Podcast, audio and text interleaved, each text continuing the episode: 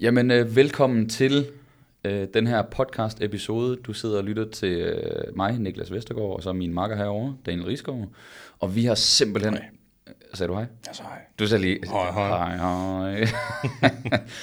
vi har kastet os ud i et øh, nyt lille eventyr her, øh, og simpelthen gået i gang med at lave vores egen lille podcast. Øh, og den kunne vi godt tænke os at introducere jer til. Øh, og vi vil prøve at trække jer lidt igennem, hvem, vi er, og, øh, og hvor vi kommer fra, og hvorfor vi overhovedet har lavet øh, den her podcast. Fordi det er ikke nogen hemmelighed, at vi har lavet podcast før, men øh, den er sat på pause for nu. Og hvis folk er interesseret i den, så kom den hedder Der Køres. Det er en træningspodcast med forskellige emner osv. Øhm, og det hele giver lidt mere mening, hvis vi lige kort fortæller om, hvem vi er. Men Daniel, kan du ikke lige, lige give en recap på, hvem du er, og hvad du laver i virkeligheden? Jo, altså... øhm, ja, nu har jeg fået mit navn. Mit navn Daniel. Og øh, det, som jeg beskæftiger mig med... Først og fremmest, så har jeg jo det her, jeg har det her koncept, der hedder DN Coaching sammen med Niklas. Og øh, det er en virksomhed, hvor vi laver træningsprogrammer. Og det er det kommer af, at vi begge to arbejder som personlige trænere. Jeg er personlig træner og har været det siden omkring 2014. Øh, først rigtig i gang fra 2015. Der var jeg sådan rigtig på gulvet, ikke? Så det vil sige en 8-9 år Mm. har været i gang. Og øh, jeg er selvstændig, har været det siden day one. Øh, så det vil sige, det er en virksomhed, jeg driver, der hedder Ren Fitness, hvor jeg, det som jeg ligesom specialiserer mig i, det er øh, at lære folk at blive meget muskuløse, meget stærke, men at gøre det uden brugen af præcisionsfremmende midler. Og det er sådan det, jeg specialiserer mig i, og jeg træner både styrkeløftere og bodybuildere, Øh, og så har jeg også et klientel, som er mere her fra Danmark, her fra Hakkebøf, plejer jeg at kalde det, som er bare folk, der godt kunne tænke sig at komme i god form, få et bedre forhold til mad, skabe nogle gode vaner og blive stærke. Mm. Øh, og på daglig basis, så øh, min uge ser ud på en måde, sådan at jeg, jeg har personlig træning hver morgen. Jeg møder klokken halv seks, og typisk personlig træning klokken to.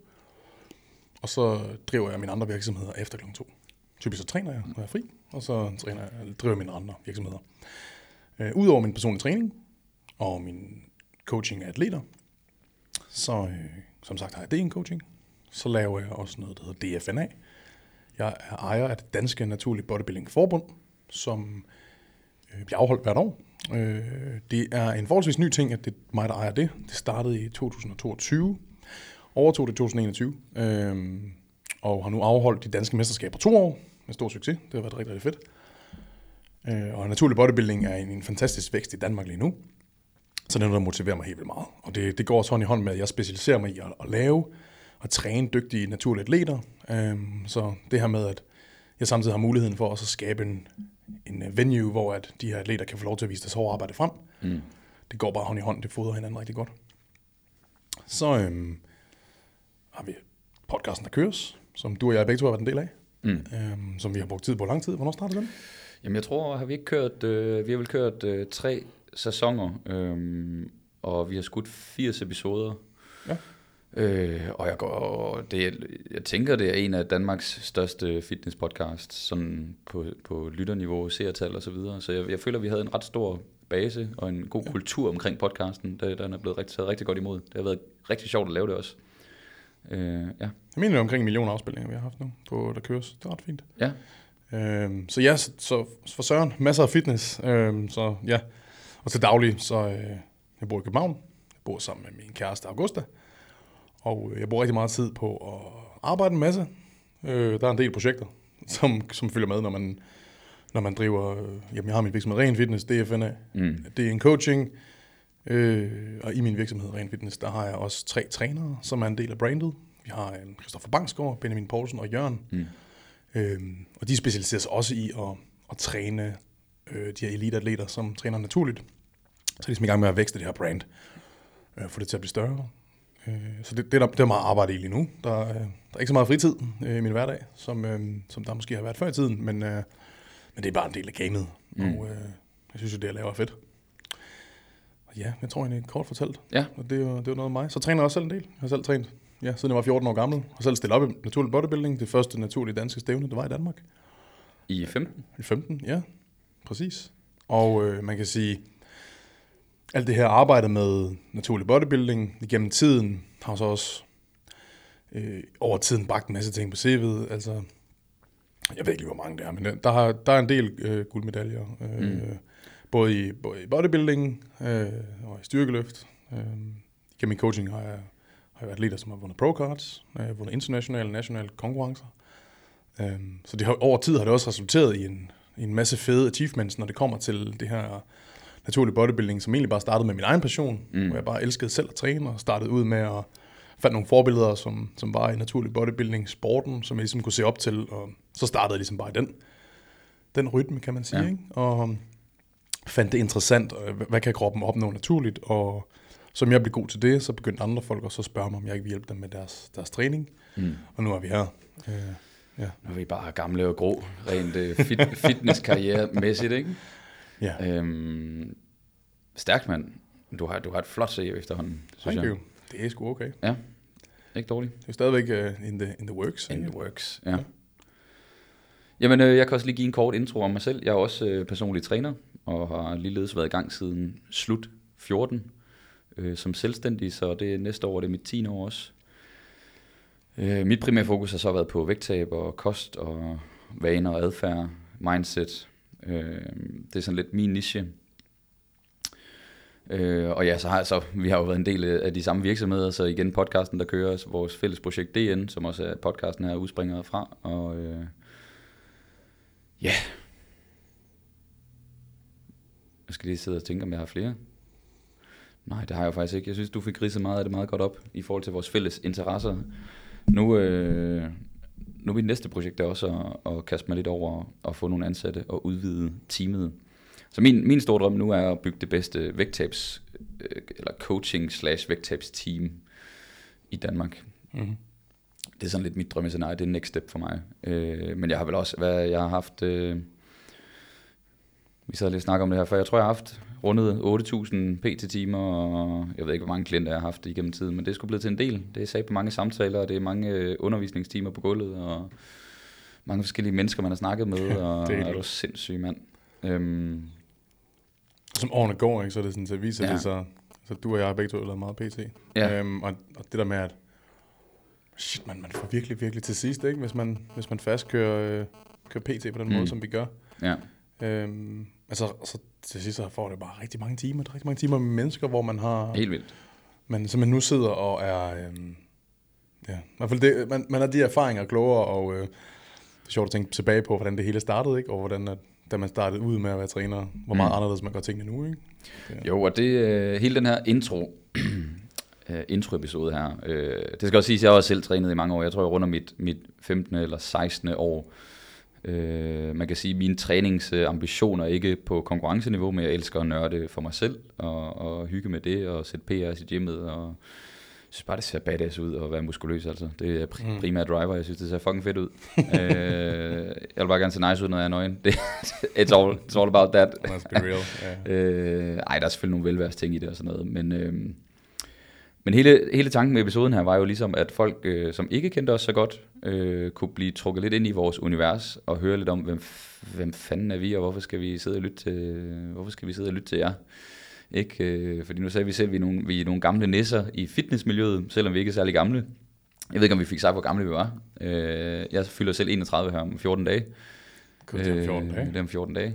Øh, og hvad er du? 28? 29? Du er 29, så vi er nok i de flestes øh, ører, øjne, øh, stadig nogle young, nogle young guns, men, øh, men set med erfaringsøjne og, og hvor lang tid vi har været i fitnessmiljøet, øh, så, så, føler jeg godt, at vi kan begynde, at, begynde at kalde os øh, semi-OG's. det, det er jo det sjove, det er jo, at vi er på ingen måde OG's. Overhovedet men, ikke. Men det er bare så nyt i Danmark at være personlig træner, så vi var bare Altså, der var også en bølge før også, ikke? men mm. vi er sådan blandt den første bølge. Altså, så det der var jo Kasper Jespersen, og der er, nogle, der er nogle folk, som har lavet PT længere tid end også. Ikke? 100 procent. 100 men, øhm, jeg havde faktisk lige en sjov snak med, med to kollegaer op fra gymmet, hvor ja. jeg snakkede med en, der hedder Jeppe.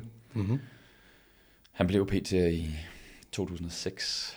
Oh, det er vildt. Altså, han, han runder snart 20 år, ikke? Han var med i... Øh, hvad var det, han sagde? Han kunne ikke engang huske, sådan helt, hvor fanden det var, det startede henne. Men han var jo, det var måske lige dengang Sats begyndte at komme til Danmark første ja, gang, ja. hvor det var dem, der trak lidt med. og der var en gut, der har en svensker fra USA, som har set, at man brugte personlig træning derover, og det skulle man også have her i Norden. Sådan Ja, noget, ja. altså, de OG's er meget sindssygt. Det er det helt 17 vildt. Nu skal du høre noget helt sindssygt. Der er en gut, der hedder Hagen op fra Jim, jeg ved ikke, om du nogensinde har mødt ham. Mm. Han er jo, han er jo, han er jo trænet under sådan noget øh, dikov og de der, altså baller af stål, de der tøser. Ja. Hvad er det, hun hedder? Der er sådan to ladies fra slut 90'erne, som, som bragte fitness, baller af stål og de der. Kan du huske dem? Jo, altså når du siger baller af stål, så ved jeg lige præcis, hvad det er, men... men Kan du huske, hvad hun hed?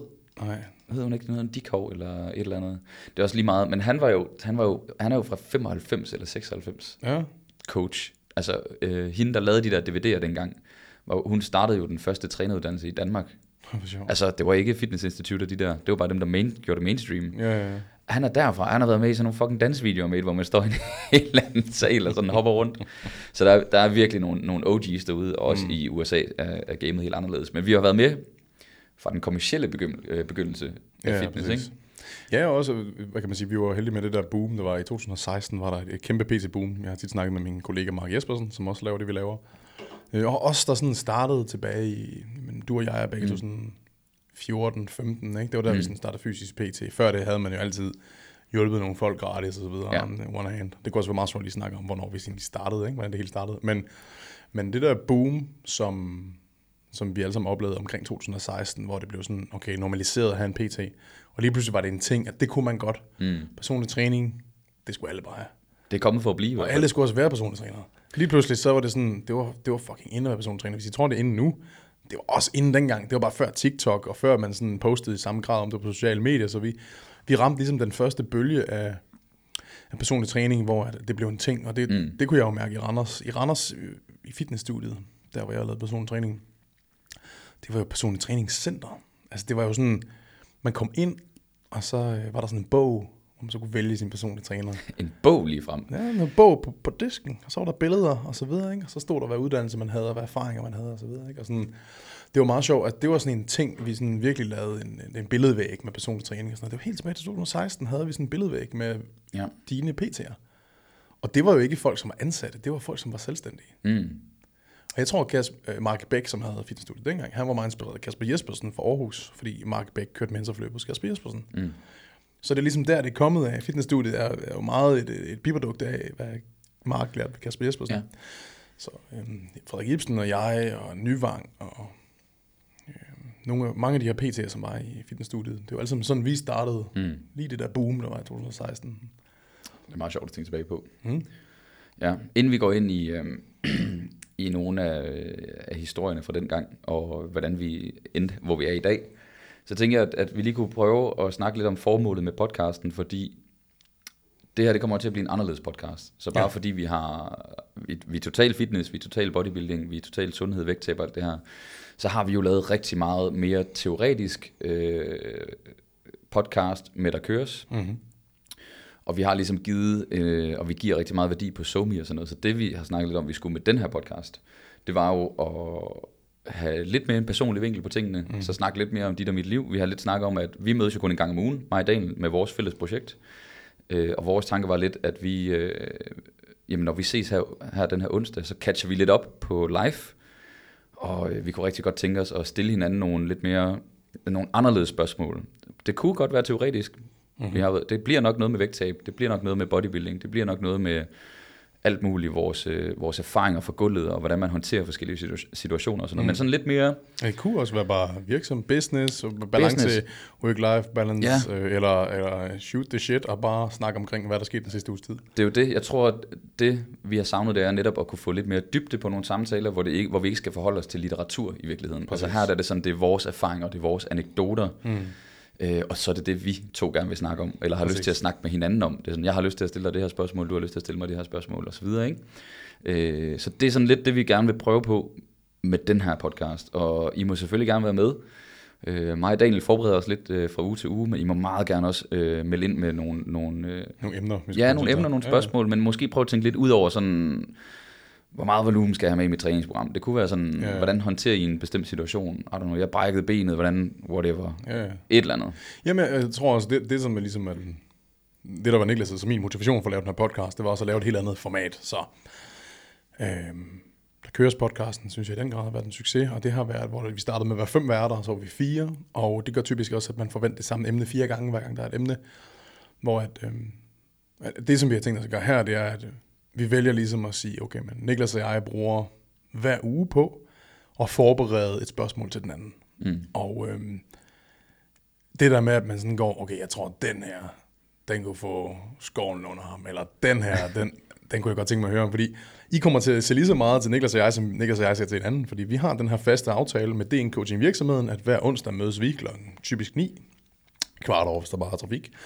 og, øh, og så det første, vi gør, det er at skyde et afsnit podcast. Vi sætter os herinde i studiet. Vi har faktisk ikke snakket med hinanden før, så, så øh, det er jo det, der er spændende, der I får os helt fresh, hvad vi rent faktisk snakker om, og nogle gange så kommer vi til at glemme, at kameraet er der. Men det er jo lidt det format, vi godt kan tænke os, at give det her mere afslappede format, hvor at I lærer os at kende, men også lige så meget, at det er usødet, Mm. øh, og, og det lige så meget er, jamen, hvad vi nu end har på hjertet over for hinanden. Og det, det, der er spændende ved Niklas og jeg, i min optik, det er jo, at altså, hvor fanden er det, vi samarbejder så godt? Det er, fordi vi er meget forskellige. Mm. Jeg træner atlet- atleter, som prøver at maksimere deres naturlige potentiale i forhold til bodybuilding, i forhold til styrke. Og det er meget sådan ekstremt. Og Niklas, det er meget med de bløde værdier, og det handler mm. meget om, om vægttab og velvære. Og, og der tror jeg, det, det er en sjov kontrast også. Og, og det kan vi jo også mærke, når vi har vores snakke, hvor der er nogle ting, som jeg synes er vanvittigt vigtigt, som du slet ikke synes er vigtigt, og Præcis. omvendt. Ja. Ja. Så vi kommer til at stikke lidt til hinanden, og, øh, og det bliver... Det vi håber på at kunne give jer, er jo både at gøre jer klogere i en eller anden forstand, men også bare blive klogere på os som personer, og få et lidt mere autentisk øh, syn på os to, og så forhåbentlig bare god gas og gode snakke. Det kan være, I kan relatere, og I bare tænker, wow, det der, der ramte lige øh, det, jeg tænkte på, og det var fucking nice at høre jeres take på det, eller et eller andet i den stil, ikke? Vi kan, vi kan jo godt sige sådan her, vi har allerede skudt nogle episoder, fordi vi, vi startede ligesom bare ud helt tørt. Niklas og jeg skulle finde vores element. Vi skulle finde, vi skulle finde hinanden i det her med at skyde podcast på den her måde. Og det vi allerede har fundet ud af, det er sådan, okay, men det der fungerer bedst, det er jo, når vi har et emne, som er lidt spicy, og så et emne, hvor vi sådan glemmer kameraet er der, og mm. så bare kan brainstorm vores tanker omkring det. Og vi lige skudt et, et sindssygt godt afsnit. Øhm, når jeg siger, det er godt, så er det ikke for over sig selv. Det handler bare mere om, der var noget kød på det her afsnit.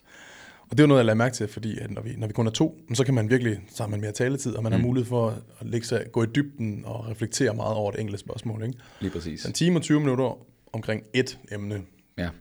Det forklarer det hele, tror jeg. Ja, lige præcis. Så det er lidt formålet med det, men vi kan lige prøve igen til dig, der ikke øh, kender os så godt. Det kan også være, at der er folk, der har fulgt med i mange år og egentlig tænker, hvordan, hvordan fanden endte de der, selvom de egentlig kender os godt Mm-hmm. fra SoMe og så videre, så kan det være, at der er nogen, der aldrig har fået øh, de der små forhistorier på, hvordan fanden sidder vi her 10 år efter som selvstændige. Øh, Du er i gang med at ansætte folk, øh, jeg laver nogle andre ting, og du ved, det kan være, at folk er sådan, hvordan fanden endte de der? Øh, Det kan også være, at der er andre personlige trænere, der lytter med. Der er mange, der lytter med på den gamle podcast, og tænker, jeg vil gerne gå lidt i den samme retning som nogle af jer, eller whatever. Vi håber i hvert fald at kunne give noget inspiration øh, til folk derude, og noget god øh, underholdning. Men jeg tænker, vi kan prøve at trække den tilbage til vores spæde begyndelse. Øh, altså vores spæde start, da vi skulle have store muller. Altså, øh, fordi det var, det er jo egentlig grunden til, at vi sidder her i dag. Det er jo fordi, vi havde vores egen interesse i træning. Ja. Øh, altså, kan du huske din, din første dag i fitnesscenteret? Kan du huske, hvad der ligesom tændte den gnist? Da du var sådan, i dag, der går jeg ned og melder mig ind. Eller jeg går i hvert fald ned og prøver at rive nogle vægte eller et eller andet. Altså, Ja, kan, kan du huske ja. den dag? Altså, det kan jeg. Jeg kan huske duften i, i det gym. Altså, I kid you not. Jeg, Assens Motion og Fitness, fra før de havde udstyr, der var værd at snakke om. Altså, ja, virkelig. Øh, og det ved jeg, du har det fuldstændig ens. Altså, nu, Niklas og jeg har snakket lidt om det her før, bare sådan brainstormet lidt, og vi har en overraskende ens upbringing, når det kommer til vores rejse med træning og personlig træning og hele mm. udviklingen. Altså, det er så tit, vi er en, enige, ikke? Men altså, hvis jeg skal starte med sådan det, jeg startede Assens Motion og Fitness. Jeg boede i en lille by, som hedder Assens, og den ligger ved Maja Fjord. Mm. Lille bitte flæk, 1500 indbyggere. Og øhm, første gang jeg var på træne, det var faktisk med min mor. Min mor, hun, øhm, hun har altid været meget aktiv, og øhm, min far er et ordentligt brød, uden han overhovedet gør noget ved det. Altså, jeg har været heldig med mine gener. Mm. Øhm, Ja, til, til den vågne ser derude, kan godt se, Daniel træner lidt. Det vil sige. Han, det hænder. han tager stolen på, når han sætter sig. Øh, det, det er sjovt, fordi det er jo øh, langt hen ad vejen, at min mor var også bredskuldret og mega stærk. Men, men det, hun tog mig ligesom med i træningscenteret. Øh, min, min, far, min søster og jeg har faktisk forskellige fædre, og øh, min søsters far var faktisk konkurrerende bodybuilder. Og ejet af gym, og har, øh, ja, ja, ejer af gym, og ejet flere gyms på Gran Canaria. På Gran Canaria alle Yes, steder. kid you not. Ja, ja, det, det er en helt anden historie. Okay, ja. det er en helt anden historie. Den, den Men- skal jeg lige have på. ja, præcis, men, men det vil sige, at det, det, det er virkelig sådan, uden jeg har tænkt over det, så har det været meget sådan in the, in the works, at jeg skulle have noget med fitness at gøre, for det har bare været, altså, det hele, min, far- min far var armlægger, og vandt nordisk mesterskab i det, og, og, du ved, der er bare sådan nogle ting, der, der altid været, var bok, min far boksede også, der har altid været meget sådan fysisk aktivitet i min familie. Ja. Men øhm, hvor man tænker, så kom jeg med i træningscenteret, og jeg erindrer helt tydeligt, at min mor stod på en cross-trainer, og jeg gik ned i den anden ende, jeg skulle lave biceps. Jeg tog sådan nogle 8 kilos håndvægte, og jeg stod bare og slyngede dem rundt. Og så øh, efter lidt tid, og min mor hun steg ned af den her cross-trainer, så kom hun ind til mig, og så sagde hun, du skal køre langsommere ned. Det giver bedre. Sagde hun det? Ja. Og ved du hvad? Jeg blev sådan, det skal du fucking ikke bestemme. det ved du ikke noget om, mor. og fast forward, 15 år senere, ikke? Du kører så langsomt nu Jeg med. kører langsomt kontrolleret tempo, når jeg laver biceps. Altså, det, Sindssygt. er det ikke sindssygt? Det, det første cue, min mor, min mor nogensinde sagde, det var, du skal sænke tempoet. Sænk tempoet, dreng. Ja. Nå, Altså, hun, hun sindssygt. vidste godt noget om træning. Okay, jeg skal lige... Øh, har vi årstal på her? Hvor gammel er du, eller hvor er vi henne? Ja, i- det er året før, jeg fik lov til at starte. Så jeg kan huske, jeg var 13 år der, og Ja. jeg fik lov til at starte året, jeg blev 15. Okay, Så det vil sige, at jeg blev ikke 15, da jeg startede. Jeg fik lov til at tage op og træne året, jeg blev 15. Så jeg var 14, da jeg startede. ah, på den måde, okay. Det er derfor, jeg har 15 års træningserfaring nu, fordi Ja. ja. Øhm, og da jeg startede med at træne derop, der er er en god kammerat, der Simon. Mm. Jeg tror, du har mødt ham. Simon Møgen, måske. Øh, og en kammerat, der hedder Jeppe. Og vi var sådan trækløver, hvor vi trænede, vi styrketrænede. Og der gik ingen tid før, at jeg begyndte at, at YouTube. Chris Jones, Physiques of Greatness, var der noget, der hed på YouTube dengang. En naturlig bodybuilder hed Chris Jones. Han havde den samme med en, der hed Vince G. Swole nerd. Swole nerd, du ved, hvad jeg snakker om. og så var der de der Chris Lavardo og Matt Oges, og alle de her gutter, som jo stillede op i WNBF, og stillede kun op i, i testede shows, og det var tidligt, jeg sådan fik dem som forbilleder. Øh, min mor nåede at blive kærester med en, der hed Morten René Pedersen. Var din mor kærester? Morten René Pedersen. Eller, øh, din mor var kærester med Morten René Pedersen? Ja. Er det derfor, jeres relation er? Ja, Nej, er det ikke hvor sjovt? Ja, ja. Det har du aldrig fortalt før. Har jeg ikke sagt det? Nej, det, eller så har jeg i hvert fald glemt det. Min mor var kærester med Okay. Morten René Pedersen. Men jeg bliver mindblown herover at din, din, øh, Er det ikke sygt? din søsters far har gyms på Gran Canaria. Jeg kan ikke mere, vi skal Er lige det ikke Det må vi lige dykke ind i. Jamen, Det det, er I får den sindssygt. jo nu. Ja, Niklas, han ved slet ikke. Det der er så sjovt, det er, at det, nu kender I ikke navnene, jeg der lytter med, men jeg kender alle navnene, fordi jeg, var den, jeg er fra den samme tid. Så der, der er nogle sindssygt interne fitness-ting her, som, lige, som får mit puslespil op i hjernen til at, at springe luften. Ja. Det er meget sjovt. Okay, continue, Så, continue. Ja. og grunden til, Niklas er oppe at køre over det, det er, fordi der var ligesom to, der er ligesom to hovedroller, når det kommer til naturlig fitness i, i Danmark imellem 2000 og 2010. Mm. Og det er Henning Christensen og Morten René Pedersen.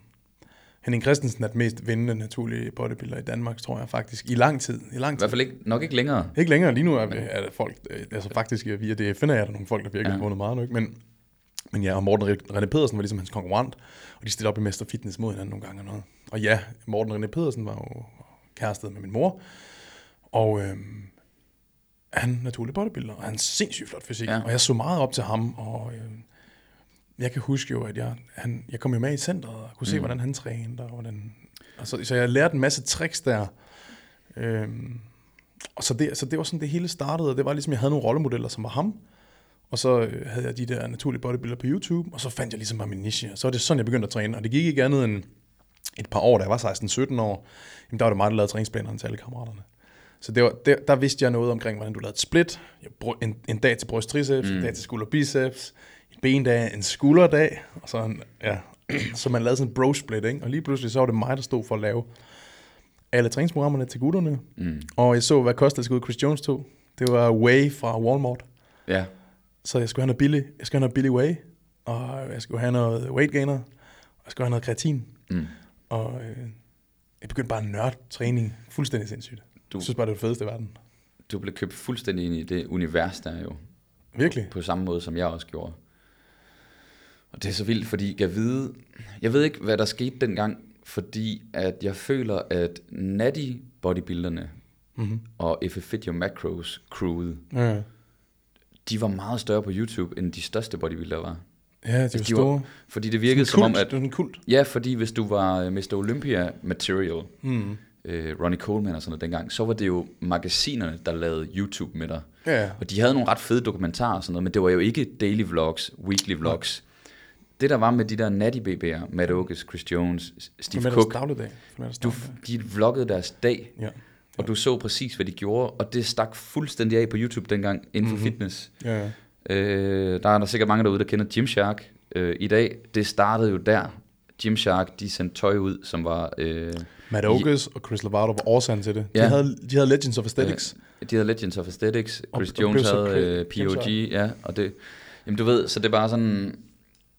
Gymshark sendte jo bare pakker ud til dem, fordi de var så store influencer, mm. og det var faktisk der, at hele det kommercielle omkring influencer marketing, det startede med Gymshark og fitness. Det er så rigtigt. Fordi før det, der var det altså kun store sportsstjerner, som var influencer. Ja, altså det, der, det var micro, micro. Det her, det var micro-influencer, og Ja. det var første gang, man så det. Og det, var, og det tror jeg på, at grunden til, at Gymshark er blevet så stor i dag, det var dem, der fandt på det. ja, ja. Bare sende pakker ud til folk. Hey, Ben Francis, han sendte bare alting ud. han sendte bare Ja. ja. gratis ting ud. Det var så sygt. Jeg havde nogle af de første stringers derfra, som, hvor han, han, han havde siddet og syet dem på med hånden og sådan noget. Det, Var det sindssygt? Lige at tænke på, du har en stringer som Ben Francis, der har en syd med, eller i hvert fald på maskinen, ikke? på. Hånd, Ja, ja. øh, øh, logo på, håndtrykket Ja, ja, og sådan ja. noget. Det er jo det er sindssygt. Men jeg tror, tror du, det er grunden til, at du øh, valgte at gå naturlig vej? Altså, det tror jeg 100 Fordi du blev købt ind i det univers, og så, at fuck, Chris Jones han ser sindssyg ud. Steve Cook så sindssyg Ja, ud. ja. Lane Norton var så sindssyg ud også dengang. Altså, Altså, jeg tror, en, en stor del af det er jo, at... Altså, jeg har altid fået at vide, at min far var meget stor. Og det, som folk ikke ved, det var, at jeg havde ikke kontakt med min far, fra jeg var 10 til jeg var 20. Øhm, så min far var sådan lidt i det ukendte. Han var sådan lidt... Jeg, bare jeg, jeg husker om jeg fra jeg var født til jeg var 10 år gammel, ikke? Mm. men det er ligesom om, det er ikke der, de hårde minder er. mm, Så, så sådan som jeg huskede ham, var jeg jo bare som den her kæmpe store, stærke mand. Og jeg havde altid sådan lidt, okay, men, men jeg ved, jeg kan komme til at se sådan ud. Hvis min far så sådan ud, så kan jeg også komme til at se sådan ud. Og øh, min mor har altid været meget sådan et forbillede for mig, for altid sådan at sige, du ved, hun, hun var altid sådan, at vi skulle spise økologisk, og vi skulle gøre tingene, spise æblerne fra haven, og så kom ham Morten, blev et forbillede, og så fandt jeg Chris Jones, og jeg, hvis jeg skal være helt ærlig, så tror jeg bare, det var heldigt, at jeg, sådan, jeg, jeg kom ind i den, jeg kom med i den funnel, og jeg fandt noget, som jeg kunne forholde mig til, som var simpelt. Og som mm. var, okay, men jeg skulle, man skulle tælle sine makroer. Seriøst, fra, fra day one kørte jeg FFA macros. Jeg har aldrig nogensinde kørt kostplan. var du aldrig på gospel spil? Aldrig. Jeg forstod, man kunne lave en kostplan. Jeg prøvede nogle gange at gøre det, fordi Chris Jones var lidt på meal plans på et tidspunkt. Mm. Men da Chris Jones switchede fra meal plans til FFA macros, gjorde det også. Alt han gjorde, gjorde jeg. Jeg kørte high volume training. Jeg, var sådan, Ja. jeg kunne virkelig relatere til ham, for han var den, der var mest jacked. Så jeg synes, Han var mest jacked. Han var fedest at følge. 100 procent.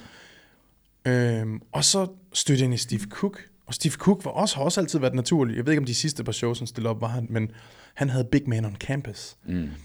Og til jer, der nu lige startede rejsen, der var en gang, at bodybuilding.com, det var et univers af gratis information. Der var 12 ugers trainers, der var gratis. Mm. Med videoer og med meal plans Hele lortet. eksempler og alting. Træningsprogrammer, du fik derinde. Så jeg har både kørt Chris Gethin, Chris Gethings programmer, der hedder DTP, Dramatic Transformation Principle. Prøv lige at høre, hvor et sindssygt navn det er. Han kørte 50, 40, 30, 20, 10, 10, 20, 30, 50 gentagelser i alle øvelser. Det gjorde jeg det der. Ikke? Jeg elsker... jeg elsker, inden, at, øh, inden man virkelig var tungt i træningsstudier, og inden det blev Ja, ja. populariseret. I dag har man jo mange træningsstudier, men det er jo fordi fitness er blevet så stort. Mm-hmm. Way back var der ikke så mange træningsstudier. Mhm. Nej. Så det der med, at man bare kunne finde på noget sindssygt, give det et navn, og så blev det bare worldwide. Ja, det var en ting. Der- Altså, der er jo en grund til Wendler, Ja. ja. øh, 531 er et program. Der er jo en grund til, at Psycho og, øh, og de der, Ja. ja. at det er et program, at, og det der, og øh, Ja, ja. ja. Big Man on Campus blev så stort. Det var det, der var. Og man, Det var og fuck det, der var. Der var ikke noget teori bag, det var bare, det her, det føles fedt. Det her, det føles sindssygt. Ja, og, og der var bare noget i. Altså, jeg var så motiveret for det, for jeg kunne sådan se mig selv i det, og mm. øh, elskede det der med at bare lære mere og mere og mere. Og jeg, jeg tror, en stor del af, af det var bare, at du ved, man fandt de rigtige forbilleder, mm. og så kunne man bare helt vildt meget relatere til dem, og så you stuck to it. Altså, der var mange år, hvor jeg fulgte Steve Cook. Swole Nation køb, betalte penge for at få adgang til hans website og sådan noget. Ikke? Det, var altid, det handlede altid om træne hårdt, være naturlig, spise sundt. Ja. Det samme med Chris Jones sammen med dem alle sammen, og det var sådan, Chris Gething har kun stillet op i WMBF. Chris Gething har kun stillet op i testede shows. Mm. Alle mine forbilleder var naturlige. Ja. Og det er meget sjovt, for når folk spørger sig, har du aldrig nogensinde været fristet til at tage noget? Aldrig nogensinde af mig selv, for jeg har altid været sådan, jamen, det har aldrig været på bordet, det har aldrig været noget, man snakkede om, fordi jeg, jeg havde jo alle de her forbilleder, som ikke gjorde det. Og ja. de var meget større end mig, så hvorfor skulle jeg nogensinde tænke over det, før jeg i mindste havde nået deres stadie? Ja, Og du ved, det nåede jeg sgu da aldrig, før jeg blev klogere og lå være med at køre deres programmer, fordi det var noget juks, ikke? Men altså jeg husker, øh, der var mange nede i mit gym. Krudtkælderen blev den kaldt. så, så var det ikke Jassen. Der var måske en. Øh, Ikke nævne navn, der var en, der måske tog noget. Ja, Jassens, ej, jeg, tænker, sådan- jeg tænker ikke, vi skal nævne navn, men, øh, men, men det sted, jeg startede med at træne nede i krudtkælderen, altså det var, der var jo mange, der tog stivuder dernede. Og jeg tror da, jeg, jeg husker da i sådan en alder af 17-18 år, hvor, hvor nogle af ens bekendte begyndte at gøre det, og de så svulmede op, altså ja. på 10 uger, tog ja. de, man forstår det ikke, de tog, jeg ved heller ikke, hvad for nogle præparater, jeg har ikke en skid forstand på det. Det hed, det hed en, jeg tror, man kørte en thai-kur dengang, tror jeg det hed. Thai- Thai-piller eller sådan noget. Piller, jeg har hørt om tegpiller, ja. Og jeg tror, det er noget ret potent noget, men det er også det er noget, man tager oralt. Altså det er piller, man kører. Nå. Så jeg tror virkelig, det er usundt. Okay. Altså pisse har man usundt. og de er, de er også blevet opereret, flere af dem, skal jeg så lige hilse at sige. Altså for knuder og sådan noget. Så det, it, it was not for fun. Øh, men de, de svulmede jo op. De tog jo 10 kilo på, samtidig med, at de blev mere ripped. Åh, det. Det var helt Ja. sygt.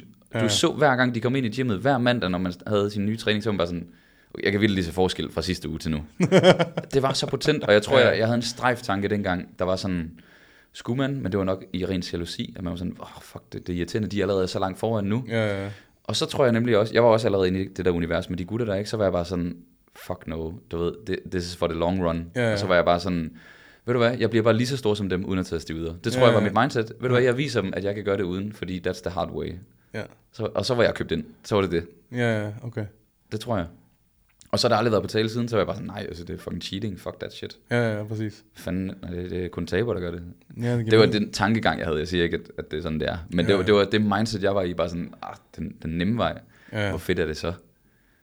Altså, Ja, det giver mening. Er det ikke sjovt? Ja, så det var ikke engang, fordi du havde nogle rollemodeller i dit liv, der var naturlige og der var gode. Det handlede bare om, du var sådan, I wanna do it the hard way. Jo, jeg havde jo, altså, øh, min, apropos det der med at være ens, min far var jo dørmand og øh, trænede meget. Det var grund til, at jeg startede med at træne. Ja. Har han nogensinde taget noget, din far? Nej, det tror jeg ikke. Han har, Nå. altid, han har altid sagt, at han aldrig tog noget. Fordi mange af hans venner gjorde. Nå, Altså generationen deroppe, det, det Ja, var jo, øh, de gjorde jo. nå. Øh, jeg tror faktisk aldrig, han har taget noget. Jeg har aldrig spurgt ham sådan helt direkte. det skal du gøre en dag. øh, men jeg, jeg kan bare huske, at han altid sagde sådan en sætning. Jeg skal se, om jeg kan huske, hvad han sagde. Han, han, han var stærk, min far. Mm. Altså, jeg kan huske, han kørte flies med 30 kilo i håndvægt. Det var ikke nogen andre nede i gymmet, der kunne. Nå, sindssygt. jeg, jeg, når jeg tænker tilbage på det i dag, så forstår jeg egentlig heller ikke, at han kunne. For det er sat med tungt. Det er tungt flies. fly. Og det kunne han kraftede med. Fordi det har han altid sagt. Øh, han var ret stærk. Og så sagde han altid, øh, også da jeg begyndte at træne lidt mere, så han altid spurgt, Nå, hvad er jeg oppe at veje og sådan noget. Ikke? Ja, Og så var han sådan, da jeg var, da jeg var i min prime, der vejede jeg jo 100 kilo. Altså sådan relativt øh, lige Ja, ja, og sådan noget. Ja, så sagde han altid, at det var uden pulver. Det var altid uden pulver. Og jeg tror, at det han mente var, at det var uden stivider. ja, ja. Øh, Det kan også være, at han er så old school, at han var sådan, han synes, proteinpulver var noget fis. nej, fordi det havde han hjemme i skabet. Fordi okay. Jeg fik lov at smage det nogle gange. Okay. okay. Det, der er så sindssygt, det var, at han shakede hans proteinpulver i en eller anden, øh, et eller andet køkkenaggregat, som jeg ved ikke, hvad man bruger det til. Altså, for, det er jo før shakerens tid, føler jeg. Det er sådan, at man laver cocktails i. Ja, bare, men den var i plastik. Jeg kan huske, mate, jeg kan huske, hvordan den ser ud. Forestil dig en plastikkop, Ja, men så oppe i toppen havde den lige sådan nogle riller hele vejen rundt, og så havde du den modsatte plastikkop. jeg ved, det var godt, sådan helt, jeg ved godt, hvad det er. og den var hvid, Ja, og så kunne du sætte dem oven i hinanden. Jeg ved ikke, om det er til at, at, at shake ikke videre i, eller hvad fanden det er. Eller, Så lavede han proteinshake til det. den, den lavede han proteinshake i. Proteinshaken var ikke større end en dåse solvand med. Den var, så, den var så tyk. så tyk. Ja, jeg kan huske, at jeg godt kunne lide det dengang, men den havde en underlig smag tilbage i nullerne. Ja, Det, det, var, det er ikke lige så godt som i dag. smag bare ost. Ja, men det er... Nå. Ja.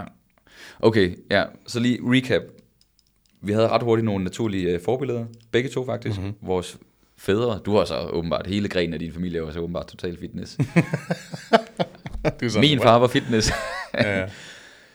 Der sker jo et eller andet, fordi vi træner så i nogle år, begge to. Mhm. Mm-hmm. Så næste kapitel er jo, okay, hvornår begynder vi at tage det her, altså hvornår begynder du at tænke, fuck, kan jeg, kan jeg gøre det her, altså kan jeg lave det her professionelt, kan mm. jeg leve af det her? ja, ja. Fordi du har jo ikke haft andre jobs, øh, altså fuldtidsjobs, på den måde. Jo, det har jeg. Jamen altså, ikke, du har ikke taget skoleuddannelse job. Det er mere for at tjene penge, du bare har haft job. Åh, oh, ja, på den måde. Giver det mening? Ja, jeg har haft, jeg har haft sådan Øh. nogle... Øh, altså, jeg havde lige en... Jeg havde en... Øh, hvad fanden er det? Jeg har arbejdet i vuggestue, ikke? Jeg Jamen det er det, jeg mener. Ja, du har, du har haft nogle ufaglærte jobs. Ufaglærte jobs, har For- masser af. For reference, det er fordi, jeg har jo en håndværkerbaggrund. Altså, jeg har jo Ja. taget en uddannelse, øh, og så senere lavet et skifte. Jeg forstår. Ja, øh, hvor du, øh, du var lidt hurtigere til bare at vide, at det var måske fitness, du skulle gå. Ja. Men hvornår, hvad, hvornår gik det fra at være, fuck, jeg elsker at træne, det er fucking nice, til kan vide, om jeg kan få penge for at lave det her, jeg laver? Altså, hvornår kom det? Ja, det kan jeg 100% fortælle dig. Så det, der sker, det er, jeg rammer gymnasiet, og er 16, er man vel, når man starter i gymnasiet. 15-16 år i gymnasiet, tror jeg, jeg var. Det ved jeg så ikke, for jeg, Jeg har tror, aldrig gymnasiet. 15, 15-16 år, 15-16 år har jeg Ja. været. Da jeg gik ud af gymnasiet, var jeg nok 18. Så har jeg været 15, da jeg startede første G. Og i første G, der var jeg ikke så muskuløs. Jeg havde kun trænet et år. Du ved, jeg var ikke, jeg var ikke prime. Den risiko endnu, vel? Og øh, igennem de tre år, hvor jeg gik i gymnasiet, der voksede jeg vidderligt det, der svarer til 20 cm i højden. Fra første G til, til 3. G. 20 cm. Det var sådan en late bloomer, så jeg var lav længe.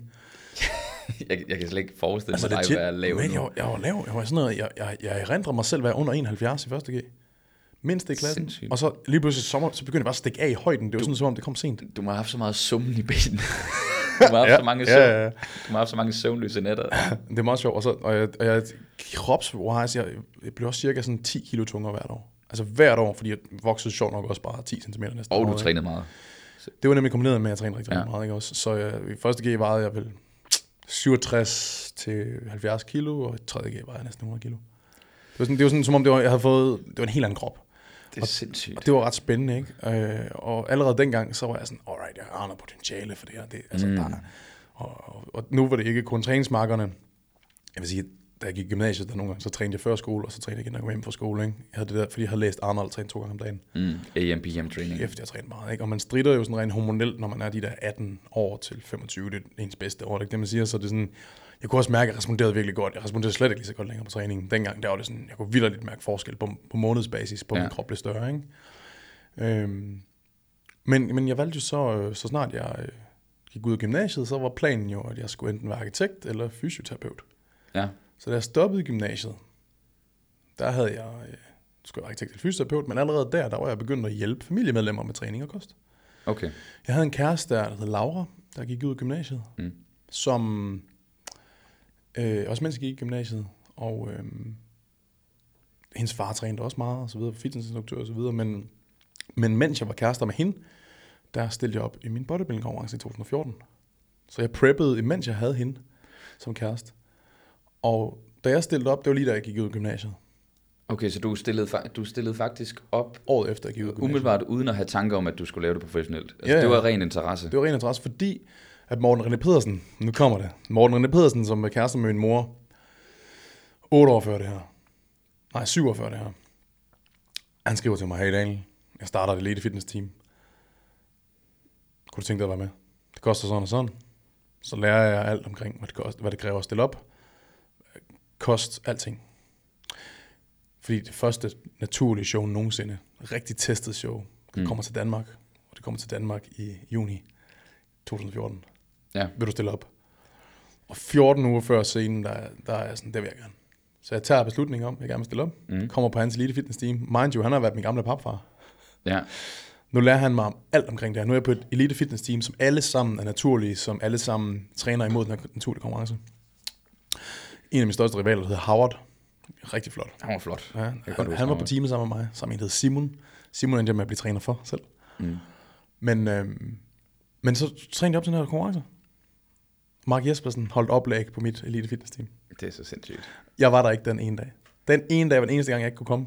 Der kom Mark Jespersen op og og holdt oplæg omkring, hvordan man preppede bikini-bier. Er det ikke sjovt?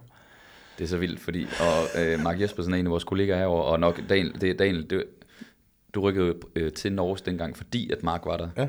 Altså, I er jo øh, best spots. Altså, øh, Det er så sjovt. Det er så sjovt. Ja. det er sindssygt. Men, øhm, men der valgte jeg så at stille op. Og efter jeg stillet op, så øh, Randers, det var en, jeg fik en tredje plads, og det var fint, og det var meget godt. Det var en meget open class, og jeg, Mm. det var noget ældre, de andre end mig. Ikke? Øh, men der, der stillede vi så op, og det gik godt, og så var jeg jo i Amtsavisen overalt. Øh, masser af avisartikler omkring mig, og store billeder øh, Mm. mm. forsiden, og øh, omkring naturlig fitness, og 100% naturlig fitness, og der var rigtig meget larm omkring det. Jeg, Ja. jeg, Henning Christensen har været god til at gøre det her. Det var Henning Christensen, der arrangerede det her show, som jo er en af de største forbilleder i dansk naturlig sport, og allerede der, så var jeg bare en del af det. Jeg var inde i varmen, jeg var sådan, okay fedt, jeg, jeg har stillet op i en naturlig bodybuilding show, jeg, har- du ved, jeg har bevist det med pisprøver og polygraftest, og sådan allerede der var folk sådan begyndte at tvivle på, om jeg var naturlig, fordi at jeg voksede så meget, som jeg gjorde. Så det var også sådan en måde, hvor jeg sådan kunne vise, prøv lige her, jeg har fucking, jeg har fucking mm. det her bevis på det, ikke? Øhm, og så derefter, så begyndte folk at tage kontakt til mig. Altså skrev de bare til dig på, hvor skrev de henne? Øh, Instagram. de skrev på Instagram, hey, kan du hjælpe mig med... Ja, allerede der havde jeg allerede haft lidt gang i noget. Jeg havde hjulpet Laura, min daværende kærestes søsters kæreste, med Mm. at tabe sig. Jeg havde hjulpet med at smide 10 kilo, og sådan hjulpet ham lidt med det. Og så jeg havde allerede nogle transformationer, jeg kunne vise frem. Og øh, så skete det bare stille og roligt. Og så udformede du et produkt, Ja. Og solgte det til dem, der så skrev. Altså, Ja. altså et klippekort, eller hvad, var, var der nogen, der ligesom fortalte dig, at jamen, hvis du skal sælge det, Morten kan René Pedersen var personlig træner, så han lærte ja, så han 100% lærte dig selv modellerne, der var dengang. 100% hvad man gjorde Okay, grineren. Det er Ja, meget ja. sjovt. Ja, ja. Og Morten René Pedersen har kun oplært to personlige trænere i hele hans liv. Ja, Det er mig og Mark Jespersen. ja det er vildt. hvor- Det, det er så internt. Det, det, folk derude forstår ikke, hvor Det er så, det er så det er, underligt. faktisk. og Mark Jespersen og jeg har 20 år imellem os i alder. Ja, Og han har, Morten René Pedersen har oplært to med 20 års mellemrum. ja. That's weird. You and Mark. Er det ikke? Det er lidt underligt. Men ja, så det er, Ja. ja. og, og så, så derfra, så var jeg i gang. Og et halvt år efter, jeg havde stillet op, startede jeg som PT i, øh, i fitnessstudiet. Men tog du så, da du havde stillet op alt, i, i, i kølvandet på det her, alt Mhm. mm-hmm. det, der sker her, Mm-hmm. masser af omtale, konkurrencer, det kører, var du så en dag sådan, fuck det der arkitekt, fuck det der øh, fysioterapeut, Ja. jeg går all in her. ja, fordi jeg arbejdede på Bottlab på lageret der. Ja. Så jeg havde, jeg havde tre kunder online coaching der, og så Ja. arbejdede jeg på Bottlab på lageret. Så jeg havde allerede min kosttilskud sponsor, fordi sponsoreret der, så sådan, okay, jeg fik dækket en del udgifter. Det var der, jeg Ja. lærte Bottlab at kende, da jeg begyndte at arbejde der lige efter gymnasiet. Ja. øh, og samarbejder stadigvæk med. Øhm, så det vil sige, at så fik jeg dækket det, og så var jeg sådan, okay fedt, man. økonomisk havde jeg egentlig fint overskud, for jeg arbejdede mm. derude, lavede lidt coaching ved siden af. Øhm, og så, så fandt jeg faktisk bare ud af sådan, okay fedt, man. Jeg, jeg kan faktisk, det hele, det er sådan ligesom om det hele, det begynder at bygge sig op omkring, det skal være noget med noget fitness, noget med noget. Mm. Øhm, så gik min kæreste og jeg fra hinanden. Og så var det lige pludselig dyrt at betale min husleje. Og øh, jeg skulle udfase på Bottle Lab, fordi der er sket en masse nye omstruktureringer mm. I det. Og øh, jeg havde kun sådan nogle weekendsvagter til sidst på Bottle Lab. Og så stod jeg der og havde 2.000 kroner tilbage på min konto. To online klienter, som jeg gjorde gratis. Tre måske. Jeg havde ikke noget job på Bottle Lab. Og øh, kunne ikke betale en husleje måneden efter. Og så ringede jeg til min kammerat, og så sagde jeg, prøv at høre her. Jeg bliver nødt til, at jeg skulle i gang med noget telefonsalg, fordi jeg, jeg tjener ingen penge. Kan I hjælpe Mm. mig? Jeg havde nogle kammerater fra øh, fortiden, som, som var telefonsælger. Så fik jeg job der. Og så mens jeg fik job der, så kunne jeg stable min coaching business på benene. Jeg lavede en masse posts omkring Mm. online coaching og så videre, så videre. Så fik jeg faktisk bygget op til, at jeg havde omkring 8 online klienter, tror jeg det var. Ja. Og så fik jeg chancen for at starte som personlig træner i, øh, i fitnessstudiet. Der tog Mark, ja. Mark Bæk tog kontakt til mig Og om December. være Ja, ja, præcis. December i 14, tror jeg, det var. Sådan noget. Og så startede jeg i 15 i fitnessstudiet. Ja. ja, så callcenter var for at få ro på det økonomiske, Mm-hmm. og så kan du grind ved siden af for at få coaching business, businessen op, ikke? Ja, så var der ikke rigtig nogen vej tilbage længere. Så, Ja, var, det præcis. det, så var det det, der skulle ske. Ja, ja, ja, præcis. Og, og øh, så startede jeg bare op der. Og øh, jeg havde ikke særlig store udgifter dengang, skal man huske på. Men jeg kunne leve af personlig træning efter tre måneder selvstændigt. Det er også flot. Det er jo ikke, det er jo ikke normalen. Nej. De fleste, vil jeg sige, kommer til at bruge... Hvis man skal have et sundt forhold og et ordentligt perspektiv, så vil jeg sige et til to år Ja, med hårdt arbejde, ja. For at du kommer op og kunne leve af det. Men jeg var bare, jeg, nailede den bare lige årstal, ja. og, og da jeg kom derned, så øh, de tog så godt imod mig. Mm. Og det virkede bare for mig, at jeg var ham der, der havde fysikken. Altså, så er det sådan, jeg postede også meget en fysik dengang, og sådan noget, så, det, så det var hurtigt unge, altså, unge klienter, og sådan, Mm. folk var sådan, åh, det, er- det er imponerende. Det, det gav mig noget, at jeg havde den fysik. Altså, det gjorde det 100%. Selvfølgelig. Du spillede bare på dine styrker. Præcis. Ja, og, og øh, jeg trænede pisse hårdt, så jeg trænede også mine klienter pisse hårdt, så det, er af, det var også den type klienter, fik jeg også. Ja. Og så fik jeg Susanne Knudsen som klient. Det var faktisk Linnea, en kæreste efterfølgende, øh, fik, øh, havde, som, som hjalp mig med at få Susanne Knudsen som klient. Mm. Og Christian Bak som klient. Mm. Og de to har jo, de har hjulpet mig så meget med min forretning. Altså, Susanne ja. Knudsen, hun ligegyldigt, hvem hun stødte ind i, så sagde hun, ah, du skal lige møde min træner, Daniel Rigsgaard, en skidegod, dygtig. Hun er en person." skøn, skøn kvinde. Ja, hun har virkelig hjulpet mig meget. Ikke? Hun har jo Så- sit eget gym nu. sit eget gym, og Sejr stærk. sejr stærk. Præcis. Skud til dem. Kæmpe skud til Susanne. Susanne har hjulpet mig så meget. Mark Bæk har hjulpet mig. Susanne har hjulpet mig med at komme i gang. Mm. Altså, og det, der var jo smart, det var jo også, at jeg tænker, at vi skal lige have fat i din tidsplan i sammen. Men det er meget fint, så får jeg lige sådan rundet af sådan, Jamen, det er fint, det er fint. altså overgangen fra, hvordan jeg gik fra konkurrere til at få startet online coaching op. Mm. Der, der er forresten noget, som jeg ikke har fortalt, men det er jo så helt kort fortalt. Så lavede jeg en illegal PT i Fitness, uh, fitness World, hvor jeg sneg mig ind og trænede den. Det var du ikke den første, der gjorde det engang. jeg, endte med, jeg endte med at blive... Jeg trænede en, jeg havde, vi havde 12 gratis træninger, gav han. Det var ikke gratis, jeg kan sige 500 kroner for 12 ugers forløb. Ja. Og det endte med, at jeg skulle betale medlemskab og han bøde, så det endte med, at jeg tjente sådan noget 15 øre på det der forløb. Men Men det gav nogle videoer, det gav nogle billeder og noget omtale. Og noget jeg fik en andet, ikke? reprimande der, ja. Og det endte med, at jeg kunne bruge hendes transformation, så hun hed Maiken Troelsen, Ma- Maiken forresten. Det var i hvert fald en af mine online forløb, Maiken. Hun Mm. gav et... Øh, eller hun lavede et post, der havde 180 likes på Facebook. Det var meget. Det var meget dengang. Og det gav lige to nye klienter. Sådan. Så skete det. Men uh, whatever. Det er i hvert fald, så kom jeg i gang. Ikke? Så var du i gang. Ja. Ja. Alright. Jamen det, jeg, altså jeg kan godt lide sådan nogle historier. Jeg tænker også, det er sjovt for lytterne at høre sådan lidt den her baggrundshistorie. Fordi det hele leder op til i dag, jo ikke? Jo. Så øhm, Men altså, hvordan, hvordan fordi nu, nu har du ligesom fået tidslinjen med mig, at det, jeg gik fra at være gymrat, ja. ja. Og ham i gymnasiet, der vidste noget om træning, der lavede programmer til alle kammeraterne, og til naboen og så videre, ikke? Mm. og til svogeren og så videre, til stille op. Folk så, jeg havde ud- udrettet et eller andet, ja. og det var katalysatoren til, Til PT Business Ja, de næste par år her. præcis, præcis. Ja. Hvordan, hvordan fik du gang i dit? Øh, jamen, jeg har lidt samme forhistorie. Altså, da, da det virkelig begyndte at tage fat, og, og jeg også faldt ind i det her univers af naturlig bodybuilding, der gik jeg i gang med at nørde. Altså, det var hver gang, når jeg kom hjem fra skole, så skulle jeg se YouTube-video, fordi hvis den ene ikke havde lagt en vlog op, så havde den anden. Så der, Ja. var, der var en vlog hver dag, man kunne se. og når man havde set en vlog, så skulle man over træne, og du ved, og så gik man hjem, så læste jeg de nyeste artikler på Bodylab, jeg læste de nyeste artikler på bodybuilding.dk, øh, jeg fandt, whatever, jeg, jeg nørdede det så meget. Så der gik jo, som du også nævnte, at der gik ikke så lang tid, for jeg var den, der vidste mest om næsten alt. Kosttilskud, Ja. træningsplaner øh, og så videre. Og så jeg begyndte jo også, det program jeg kørte, det kørte mine kammerater. Ja. Og så fik jeg en, øh, så fik jeg en, jeg havde, en- der var en gut, der hed Troels, øh, som spurgte, om vi ikke skulle være faste træningsmarkere. Fordi vores kalender passede, vi jo begge to øh, håndværkere, så vi havde fri klokken 4, så vi trænede klokken 5. Nå, fedt. Hjem, spiste en kæmpe skål havregryn, og så tog vi overtrænet. Ja. Så vi mødtes hver dag over i gymmet klokken 5. Altså mandag til fredag, ikke?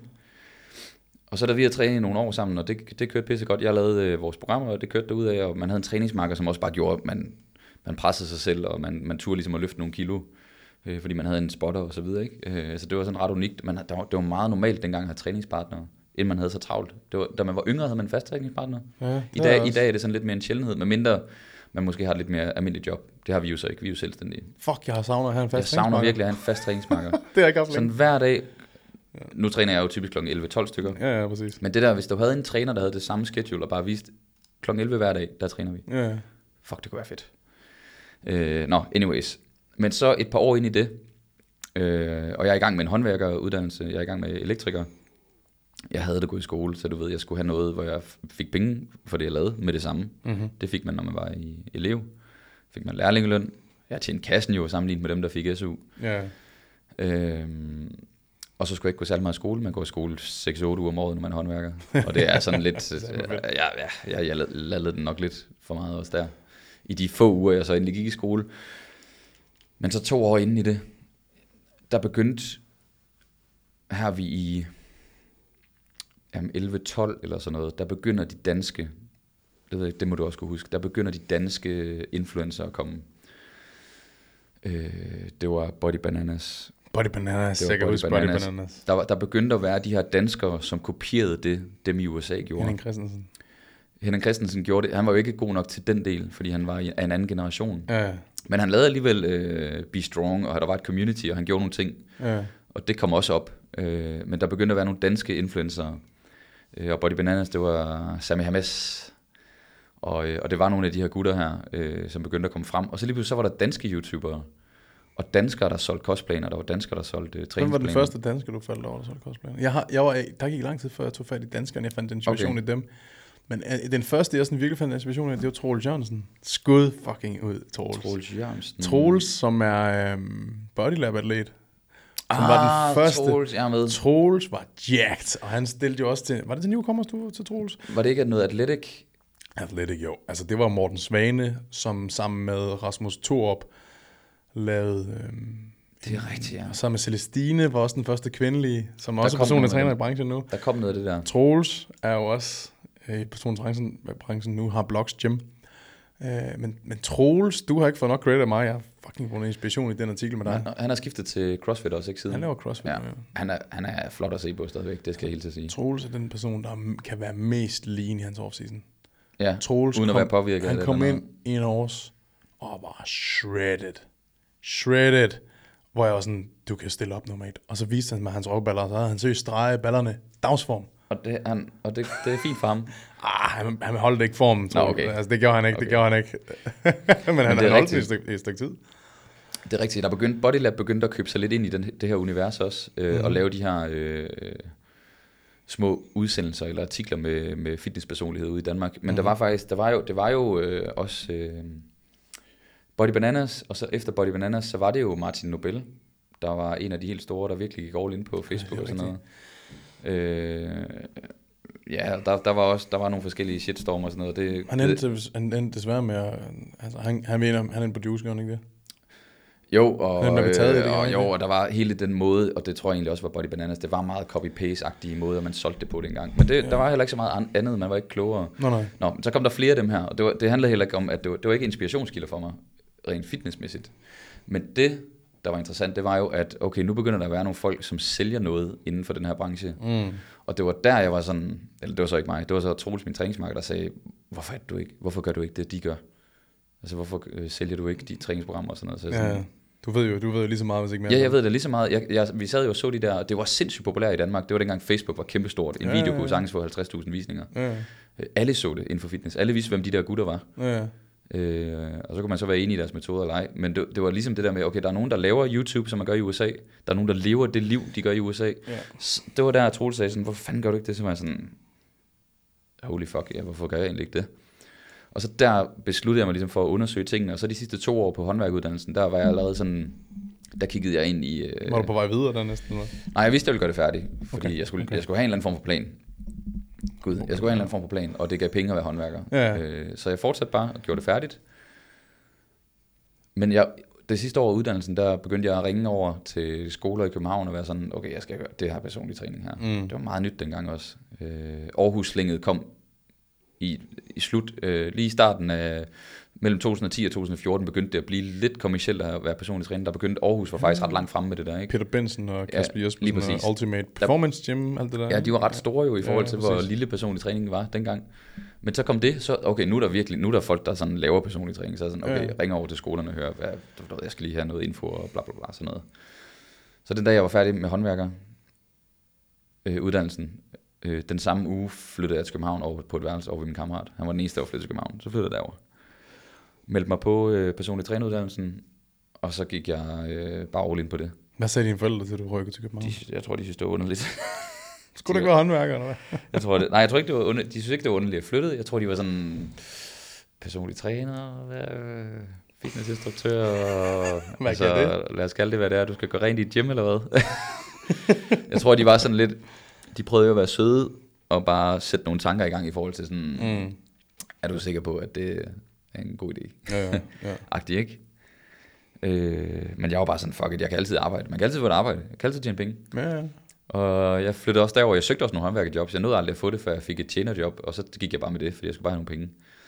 Øh, og så mens jeg arbejdede som tjener, så tog jeg uddannelsen, og så begyndte jeg sådan at, øh, at starte op den vej, ikke? Seriøst, der har været mange der på det tidspunkt, der hvor du tager tjenerjobbet, men du ved, du er uddannet håndværker, og du har nogle credentials, der gør, at du mm. kan tjene flere penge.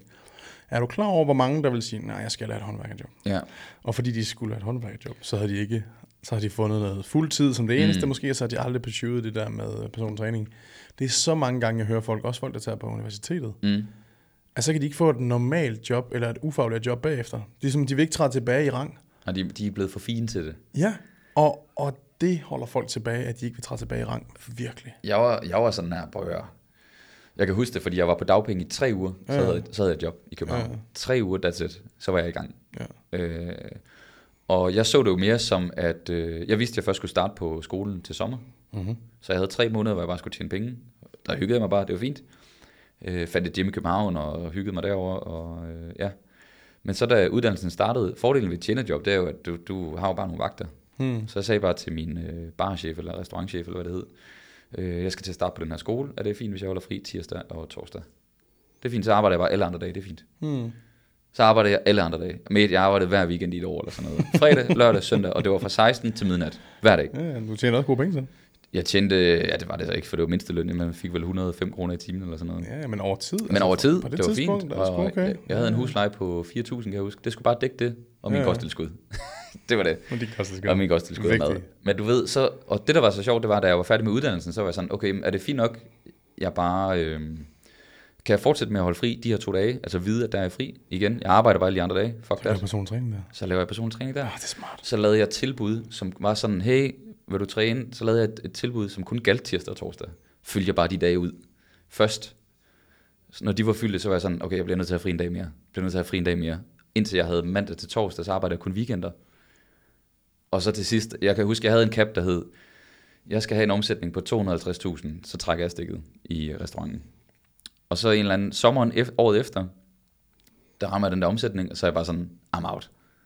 Og så var det all in. Ah, fedt. Der, det var fedt. Det der med at gå ned og sige, jeg kommer ikke næste uge. Ja, ja. Åh, hvor man var sådan, jeg har penge nok til at sådan vidderligt betale min husleje og leve. ja. All I need, all I fucking need. Jeg havde nul udgifter. Jeg havde min husleje, that's it. Jeg havde Ja. ingen forsikring, jeg havde ikke nogen indbo. Fordi Nej, nej, nej, det har man ikke. Jeg havde zero. Hvis vores lejlighed brændte ned, så var jeg færdig. Seriøst, jeg elsker du siger det der. Jeg havde fuldstændig samme snak med Ja. ham, som ledede telefonsælger jobbet. Jeg skulle... Ja, ja, det der med at komme ind og sige, hey, jeg siger op, jeg kan leve selvstændigt. af Det. Fuck, det var fedt. det var så fedt. Jeg kan huske, jeg, jeg havde sådan lidt en følelse af, at ej, det bliver mega sørgeligt det her, og han bliver ked af, at jeg siger op og sådan noget. Ikke? Så jeg kommer sådan ind, du skal vide, jeg er virkelig ked af det, men jeg bliver nødt til at sige op. Jeg ved godt, at jeg ikke har været der ret længe, jeg har kun været der i fire måneder, jeg bliver nødt til at sige op. Og så var jeg sådan, nej, fint nok. Du var overhovedet ikke, jeg var fucking ligeglad. du var overhovedet ikke værdsat. Du var sikkert også en dårlig sælger. Du var den dårligste. Mate, der var så mange mennesker på det der, Ja. ja. der kom så mange nye folk ind hver uge. Han vidste han var ikke, bare så, han var bare så, fint jeg lykke. Ja, hvad var det? Kasper? Kasper? Nå, Daniel. Ja, det er fint. Hey. Men det, det, der var så fedt, var jo lige præcis at gå ned og sige op, og så være sådan, det, det var så ukompliceret dengang, ja. selvom man var selvstændig. Jeg skulle vidderligt bruge 10.000 kroner udbetalt, Mm. så kunne mindre, 6-8.000, så var jeg covered. Ja, Hvad svarer det til? Jeg skulle måske have 10-12.000 før skat. 15.000 max Ja, ja, ja. før skat, så kunne jeg leve af det. Ja, det er så sindssygt. Hvor at selvfølgelig er der, er der kommet mere ansvar at købe lejlighed, og man har bil og pisse lort, ikke? Øhm, men det var jo der, hvor jeg var sådan, okay, I got this. Ja, ja, præcis. Øh, det der var så sindssygt, det var jo, jeg gik jo i klasse med øh, Mathias Hostrup, og gik i klasse med Michael Kaiser, Ja, og øh, vi tre, vi bornede på uddannelsen, og i dag er vi de eneste tre, der er i branchen. Fra den uddannelse. Fra den uddannelse. Ja, ja, og sjovt. Mathias er blevet Head of Personal Training i hele Danmark. Mhm. Ja, i, Øh, hvad hedder det, i Sats? I, Nej, hvad hedder det? i Pure Gym. Pure Gym. Altså Pure han er, øh, han er den, der styrer alle personlige trænere i den største fitnesskæde i Danmark. Ja. Øh, jeg har min egen ting kørende. Ja. Øh, Michael Kaiser har et private gym ude i Rødovre. Sepa Sport, hvor de kører øh, atletforløb fodboldspillere og håndboldspillere ja. og sådan noget. Var hvor man- Mathias ikke en del af det på et tidspunkt? det var Mathias også ind over, de, vi var også ude i nogle, jeg var også lidt ind over det på et tidspunkt, fordi de lavede Sepas Health, som skulle være virksomhedshalløje. Men det var sjovt at se, at os tre, der tog det seriøst, Nej, med for succes. Få succes, men ikke bare sådan, okay, men altså, Ikke bare klare det. Jeg, ikke bare sådan, klare der, det godt. ja, de Ja. laver, de, de laver alle sammen noget, som er sådan lidt ud over det usædvanlige. Så sådan, Mm. Mathias er, laver de der ting, og han har sit fucking eget gym, og det er sådan, Ja, ja, jeg ja. laver mine ting herover. Ja. Hvor det er sådan, okay, det, fuck, det er bare sjovt at se, at vi var dem, der hang sammen, og det er os, der så er ude i de grene nu. Ja. Så øhm, ja, så det var en lille recap på, hvordan jeg startede også. Men fast forward, så, så kørte vi jo begge to på. De næste 3 til fem år kørte vi jo bare på med personlig træning, og, og få det kørt op til at være noget, man kunne leve af, til faktisk at være en fuld beskæftigelse. Altså, jeg prøver lige at tænke på sådan, den der mellemfase, fordi du og jeg mødes for første gang i København. Jeg måske over at besøge Jim, jeg var over at besøge Vesterbronx. Jeg tror, det var i 18 måske. Er det været 18? Ikke 17? Var du derovre så tidligt? Ja, fordi jeg, jeg var ikke... Første gang, jeg var derovre med, der var, det var før Linnea. Okay, vi manflyttede i 17 måske så. Ja, det tror jeg også, fordi jeg, jeg var derovre på et tidspunkt, hvor jeg... Øh, med Line Vitrup. Ja, Ja. Der var jeg derovre, fordi jeg var til Ninja Warrior i København okay. med Mikkel Muhl og Line Vitrup. Og så, jeg var meldt til Ninja Warrior. Øh, og øh, Team Ninja Warrior, vel mærket. Ja, og Mikkel Muhl har meldt mig bare til, den satan. Og så, øh, så var vi til det, og det var i foregik i København, og så var vi lige inde i, så var vi lige inde i øh, træne og sådan noget. Jeg, jeg mener, det var en af de gange. Eller var Linnea med dengang? Altså jeg kan huske første gang, vi mødte hinanden i real life. Ja, det kan jeg også huske. Og det er, at du skal squat. Ja. Du har ikke nogen spotter med. Du var deload dengang. Jeg stod og dødløftede, og jeg var træt af, at jeg deloadede, fordi så kunne jeg ikke imponere øh, dig, hvor mange kilo jeg egentlig er. Og der var, jeg, var, jeg var fucking stærk dengang. Ja, ja. Jeg, tror, altså, jeg dødløftede øh, langt over 200 kilo for reps og sådan noget. Altså, Ja, ja. det var sådan 220 for 3 Så- og sådan noget. Why today? Så kommer du, og så står jeg og pøller med 180 eller sådan noget. Og jeg tror faktisk, du skulle dødløfte bagefter. Og så, "Ah, ja, okay, jeg har deload, du ved. Så, ja, hvis man skulle sprænge sit plan, så Åh, ja. Ja. ja, det var lige før, jeg skulle til at max i stedet for. Men jeg kan huske, du, øh, vi giver lige en knuckle, og der har vi har skrevet lidt sammen og sådan noget. Ja, ja. Så, jeg tror, jeg spotter dig i en squat. ja. Øh, og det er jo der, vi starter med at møde hinanden. Det er jo sådan 3-4 år inde i vores karriere. Ej, hvor er det sjovt. Det er meget sjovt, ikke?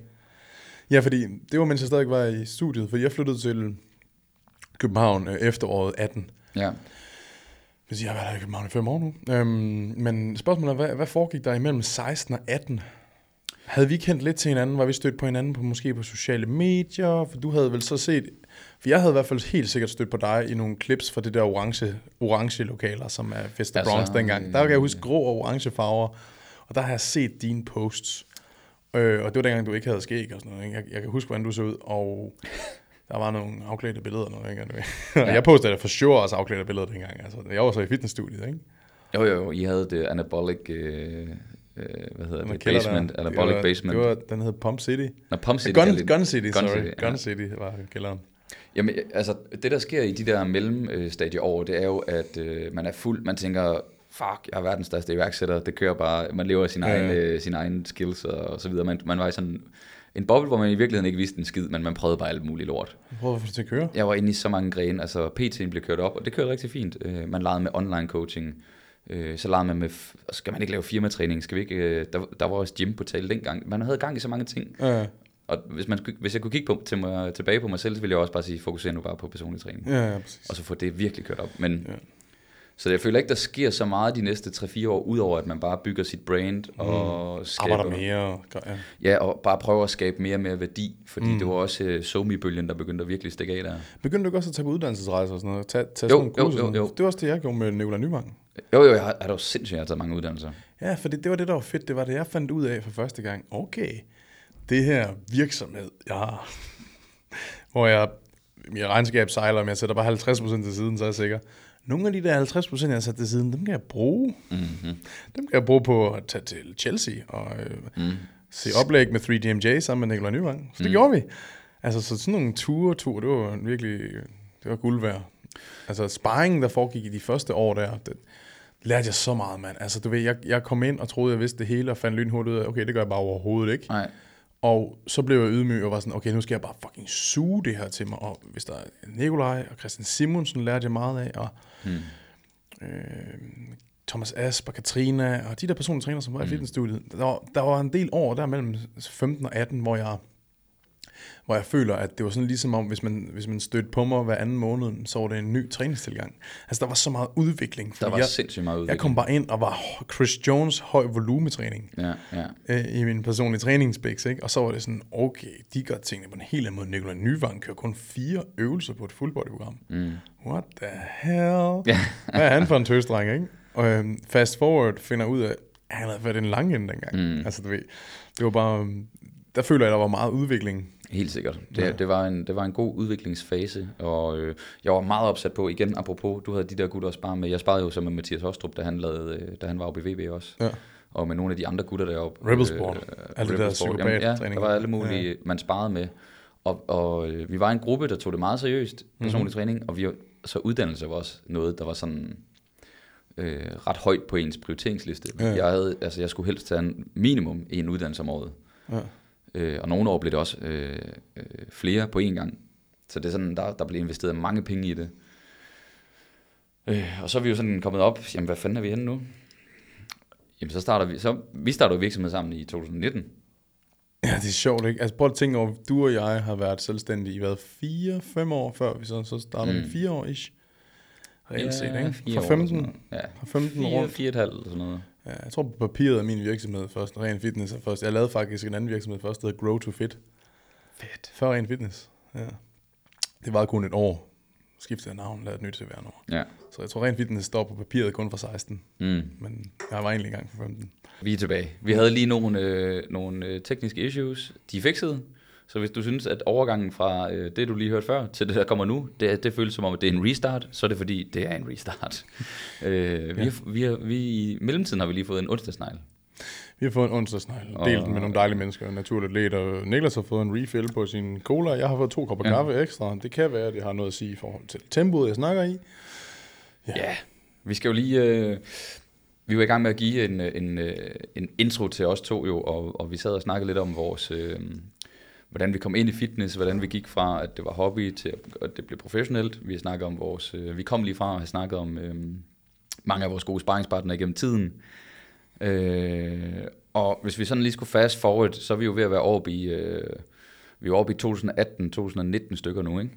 Øh, hvor vi skal snakke lidt næste skridt i vores karriere. Ja, Fordi i 2019, der, der vælger vi jo at lave en virksomhed sammen. Og nu åbner jeg lige en cola. vi kører en, øh, kører en åbning herovre fra Niklas' side. Øh, ja, altså vi, øh, vi stod jo på hinanden i Vester Bronx Gym. Måske har vi nævnt det her i podcasten allerede. Jeg tror, vi var inde på, at første gang vores første stævnemøde og så videre. Ja, Ja, og det var rigtig, rigtig dejligt. ja det er jo det var en flot, flot øjeblik. Og så har vi jo... To, to mænd meget tæt. Ja, og så jeg erindrer, at vi mødes på... Øhm, jeg har lyst til at sige Laundromat Café. Det tror jeg var... Vi er længere tilbage, faktisk. Fordi vi mødes ude ved mig først. Inden vi er på caféen. Må vi mødes ved ved dig? Ja, vi mødes ude ved mig ude i Nordvest. Hvor jeg lige købte en kasse Pepsi Max. God. Kan du huske det? Det er rigtigt. Ja, så, ja, så vi, altså, fast forward, vi starter DN Coaching, og det starter med, at øh, Vi mødes hjemme hos dig. Vi mødes faktisk hjemme med mig, ja, fordi det der, det der sker med DN Coaching, grunden til, at vi, vi egentlig starter det, det er fordi, at øh, der var en periode, en, en lang periode, hvor, hvor folk havde de her cookie cutter programmer, eller du ved, webshops, eller øh, hvor man kunne købe, nej, det passer ikke engang, det var ikke engang webshops, man købte bare programmer af folk, Jeg tror bare, man fik tilsendt sådan en pdf eller en Word, det. Word-dokument, ikke? Ja. Ja. Og, og, der var mange, der stillede op i bikini fitness, ikke? Så, så derfor var det blevet en ting, for eksempel at sælge booty-programmer. ja, Øhm, som i sig selv jo er en underlig ting i et booty-program, som om at man laver et program kun til numsen.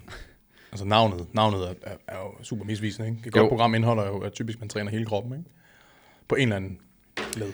Ja, så vi, vi øh, vores tanke var jo, at vi, vi var lidt trætte af det, vi så. Vi, øh, nu havde vi taget en masse uddannelse. Jeg tror, vi følte, at vi havde noget viden, som, et, som det danske marked ikke havde set. Du ved, vi snakkede lige om, at, øh, at vi havde været gode til at tage uddannelser, og det var sådan en ret høj prioritet øh, at uddanne sig, og hver år tog man på kurser, workshops osv. Øh, og nu lige pludselig følte jeg, eller følte vi, at vi havde en, en viden, øh, som var, måske var lidt, det var sådan lidt højrødagtigt dengang, men vi følte, vi var lidt bedre end de andre, så hvorfor fanden er det, altså hver gang vi så de her cookie programmer så tænkte vi jo, holy fuck, det ligner jo bare, at det er kastet ind for højre. Ja, eller også, ja, altså jeg ved ikke, om jeg tror, vi er bedre end de andre. Jeg tror bare, at vi, vi tænkte, at et godt program ligesom gik ud fra nogle med evidensbaserede anbefalinger. Altså, så det var, det handlede ikke bare om, at, jeg kan huske, at vi lavede den sætning, altså jeg forstår, hvad du mener, men, men jeg, men, men, men vi, jeg kan bare huske, at vi snakkede om, at nogle gange, hvis man så et booty-program, hvis man søgte på nettet, så var det sådan et, et program, hvor der måske var, lad os sige, otte balleøvelser i, på én bendag. Mm. Altså, så det var sådan, det kunne være kastet sammen sådan her. Det var en sumo dødløft, efterfulgt en Romanian deadlift, efterfulgt en hip thrust, efterfulgt en back squat, efterfulgt, altså det, så rækkefølgen, og det, det kunne godt nogle gange virke lidt som om, at, at øhm, individer, som havde en, en flot brudskål, en flot røv, øhm, og måske havde vist den frem på en, en scene, øhm, som jo er stedet, hvor man ligesom viser sine attributes frem, når mm. det drejer sig om physical øhm, udvikling, ikke? Og så, så, øh, så blev det lidt sådan en, okay, vil I have mit program til, hvordan jeg har bygget min røv? Og så blev det sådan lidt negligeret de mange års træning, personen havde brugt, og så var det Mm. mere sådan, okay, men jeg har den gyldne, øh, Ja. Jeg har simpelthen Holy Grail her, det her er mit booty-program. Og så blev det sådan lidt ejet af personerne, det her er mit booty-program, i stedet for sådan at, at sælge koncepter og principper omkring, hvordan man bygger gode, gode baller, så blev det køb mit booty-program, som om, at hvis man købte den bikini pige eller coaches mm. program, de brugte til ballerne, så vil man få deres røv. ja, lige præcis. Hvor at, at at vi var sådan, jamen det, det er jo ikke sådan, det fungerer. Hvad der fungerer for en, fungerer ikke nødvendigvis for en anden. Så når du skal lave programmer, som er generelle, programmer til folk, du ikke har, til mm. personlig træning, hvor du ikke kan screene dem, hvor du ikke kan personalisere det, hvor du ikke kan så at sige skræddersy det, så bliver det nødt til at være programmer, som er ud fra videnskabelige anbefalinger, hvor at vi ved, at det kan ramme den brede mængde. Det vil, være, det vil ramme det brede gennemsnit, som nok Ja. er 90-95 procent af mennesker nærmest, ikke? Ja, og selvom at det er rigtigt, og der er sikkert rigtig mange, der falder i det der med, okay, okay, jeg kan købe den her bikini dronnings bootebrum, det er hendes bootebrum. Mm. Øh, det er et godt selling point første omgang, men reelt set er det jo det værste selling point, fordi det er jo ikke det, du søger. Du søger et program, der er godt til dig. Mm. Så, så det er sådan egentlig misforstået, og det tror jeg, det var lidt det, som du og jeg var træt af, det var jo, at jamen, når der endelig var cookie cutter programmer, så gav det ikke mening for den brede befolkning, Nej. og øh, så manglede der bare noget evidens bag det. Ikke? Altså, der var den klassiske sammensætning, der manglede. Ikke? Der manglede noget balance i pres-træk, squat hinge og, og, de der diverse ting. Ikke? Eviden, den evidens, øh, mere den evidensbaserede tilgang var der, var der Ja, ikke så, ja. Det var ikke så populært dengang, hvor jeg nu, nu føler jeg, at der er et fuldstændig paradigmeskift. Nu er det sådan, til den gode side. Nu bliver folk virkelig holdt op på, mm. at man skal følge med. Ja, lige præcis. Mm. Det, var, det var meget sjovt. Altså, det var sådan øh, næste fase af vores øh, PT-karriere. Det var jo, at vi, øh, vi lige pludselig lavede den her second business. ja, præcis. præcis. Altså, du ved, vi var, nu havde vi multi, multi-businesses. Multiple businesses. Ja, og øh, det, altså, vores tanke var jo, okay, hvis vi skal have det her cookie cutter program, så skal det laves så fucking godt. Jeg kan huske, jeg tog kontakt til dig, og skrev, jeg har en idé. Jeg har en idé, jeg lige skal vende med dig. Og så mødtes vi nemlig, og så brainstormede vi hjemme med mig. Og så, jeg tror også, du sagde sådan, hvis vi skal lave det her, så skal det være så fucking godt, at der ikke er en finger at sætte på det. Mm. Så det vi gik i gang med, det var jo at brainstorme, okay, hvordan fanden gør vi det her? Mm. Så Præcis. behøver vi ikke at dykke ned i hele forretningsmodellen, fordi nu handler det bare om, om storytelling. Men du ved, vi gik jo i gang. Vi lavede øh, fandme en øh, hel øh, bog, nærmest folk købte adgang til. Mm. Vi lavede de her, øh, en fuld makrocyklus, vi lavede faser. Vi lavede ligesom noget, der ikke var set før. Regressionsskemaer, Alt muligt, ikke? nørdede squat deadlift bænkpres videoer, hip thrust videoer, øh, coaching videoer, vi lavede med en øh, øh, Kasper Dufour, Ja. en professionel øh, kameramand, som filmede de her coaching videoer, som var Ja. Og vi lavede community omkring det. Vi lavede en Facebook-gruppe, ja. Man kunne melde sig ind i. Og jamen, alt, alt muligt mærkeligt, ikke? Det, ja, det sjove er jo, at det blev sådan et... Det var ret fedt, fordi vi havde ligesom nogle ambitioner. Jeg tror ikke helt, vi helt vidste, hvad det var, vi formede, men vi var bare i gang med at forme noget. Vi være et community. mm. Men jeg husker bare, at vi havde, fordi vi havde brand i forvejen begge to, Mm-hmm. vi var, vi var så sikre på, at det her, fordi det var et billigere produkt, en personlig mm. træning, det var et one-time payment, så selvfølgelig køber alle ens følgere det. Ja, man var, man var fuldt booket, begge to som personlig træner, og det Niklas og jeg har jo altså været det længe. Så man tænkte sådan, okay, man der stadigvæk stor efterspørgsel, så når man endelig udgiver noget, som folk kan få fingrene i, så må de jo bare være klar på at købe det. Men Vi kan godt, vi kan godt sige, det første måned, da vi lancerede det første program, det, øh, vi var ikke glade. Vi var ikke, vi var jævnt skuffede, tror jeg.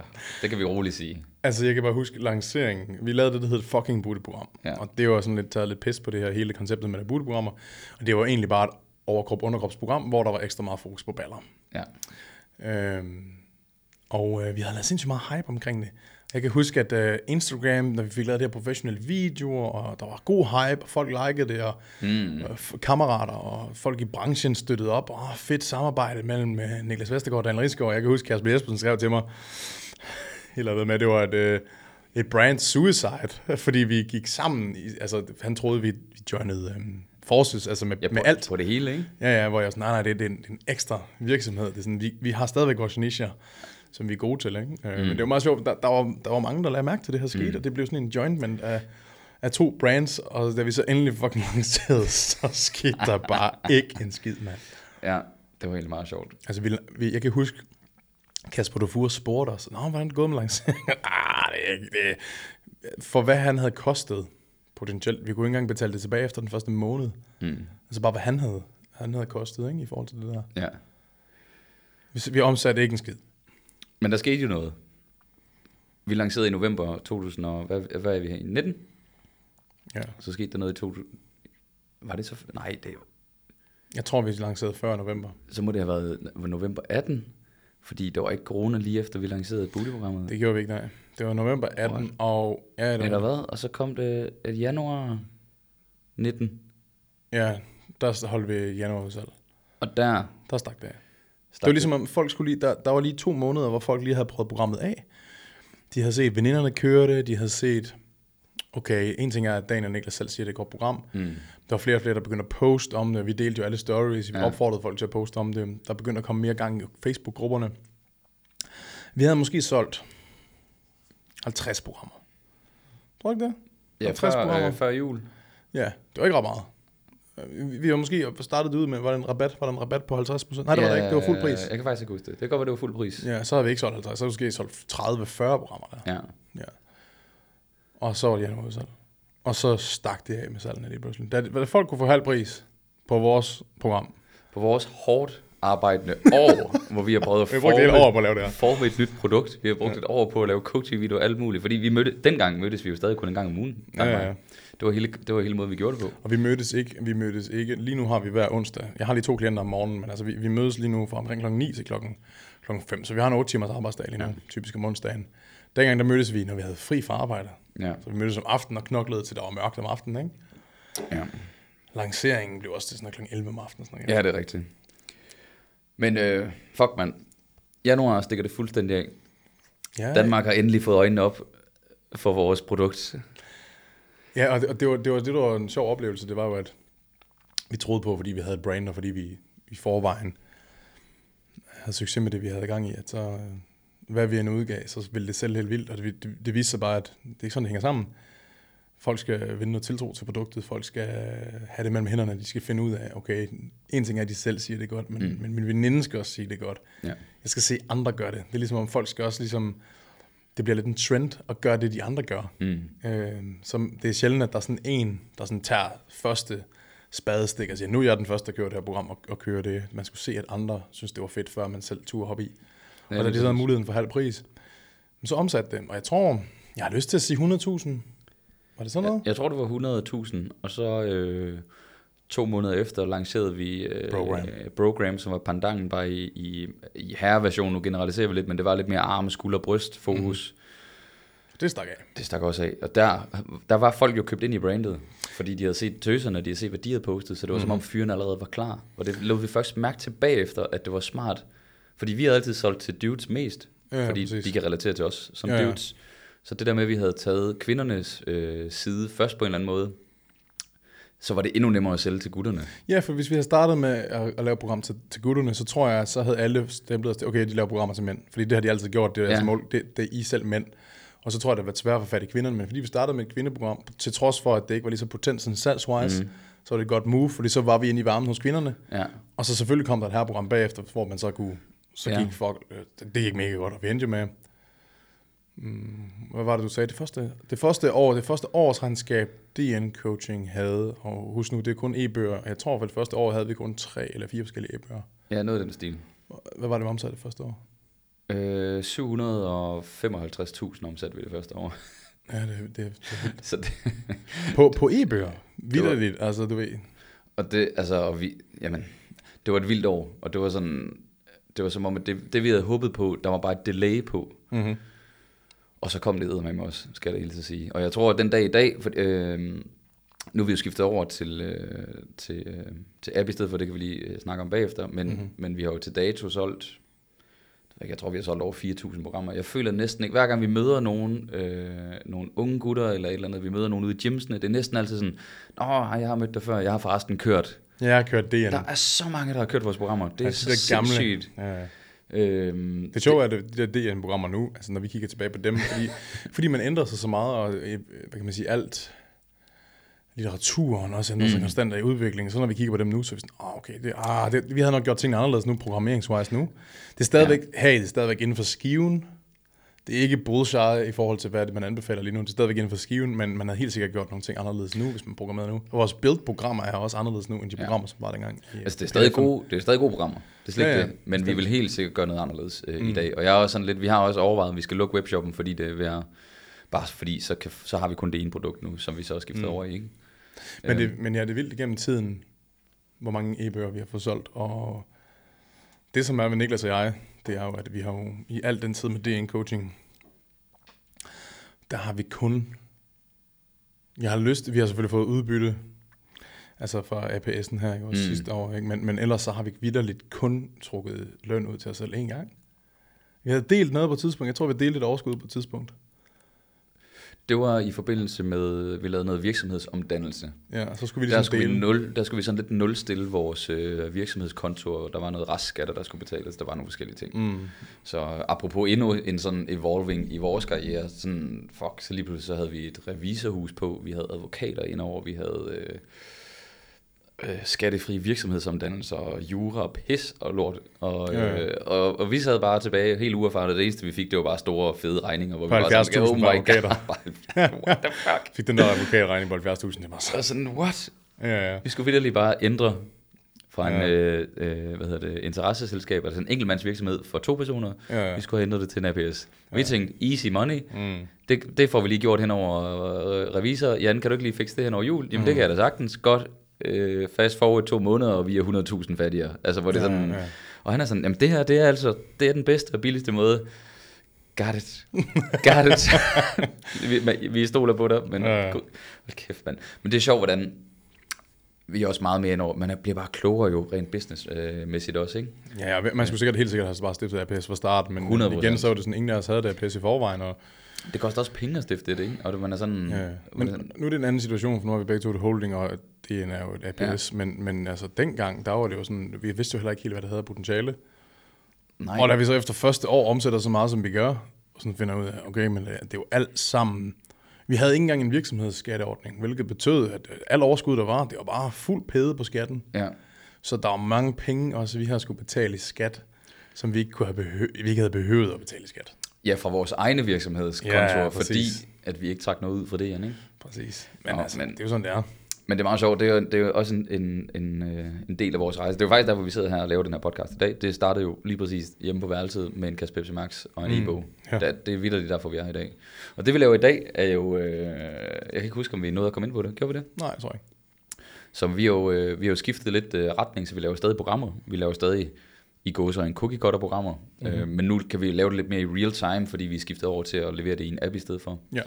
Så det du som øh, bruger derude kan, øh, kan få fat på, det er ligesom, du køber adgang til et team, og vi har nogle forskellige teams, forskellige fokuspunkter osv., men når du køber adgang til teamet, øh, så ved du, at inde i appen er der bare hele tiden et program, der ligesom bliver opdateret, og vi kører i nogle forskellige faser og cykluser, øhm, og det sidder vi og laver lidt mere i real time, så hver gang vi får ny viden, hver, hver gang vi får feedback, så kan vi ligesom implementere det med det samme, hvor at en e-bog, jamen vores første e-bog, den er, den er snart fem år gammel, Præcis. Øh, Så den viden, der er i den, som vi har snakket om nu her, at det, det kan sagtens være, at vi ville have, ah, der skulle nok have været lidt mindre volumen, og vi skulle nok have coachet den der øvelse på en lidt anden måde, og sådan noget, Mm.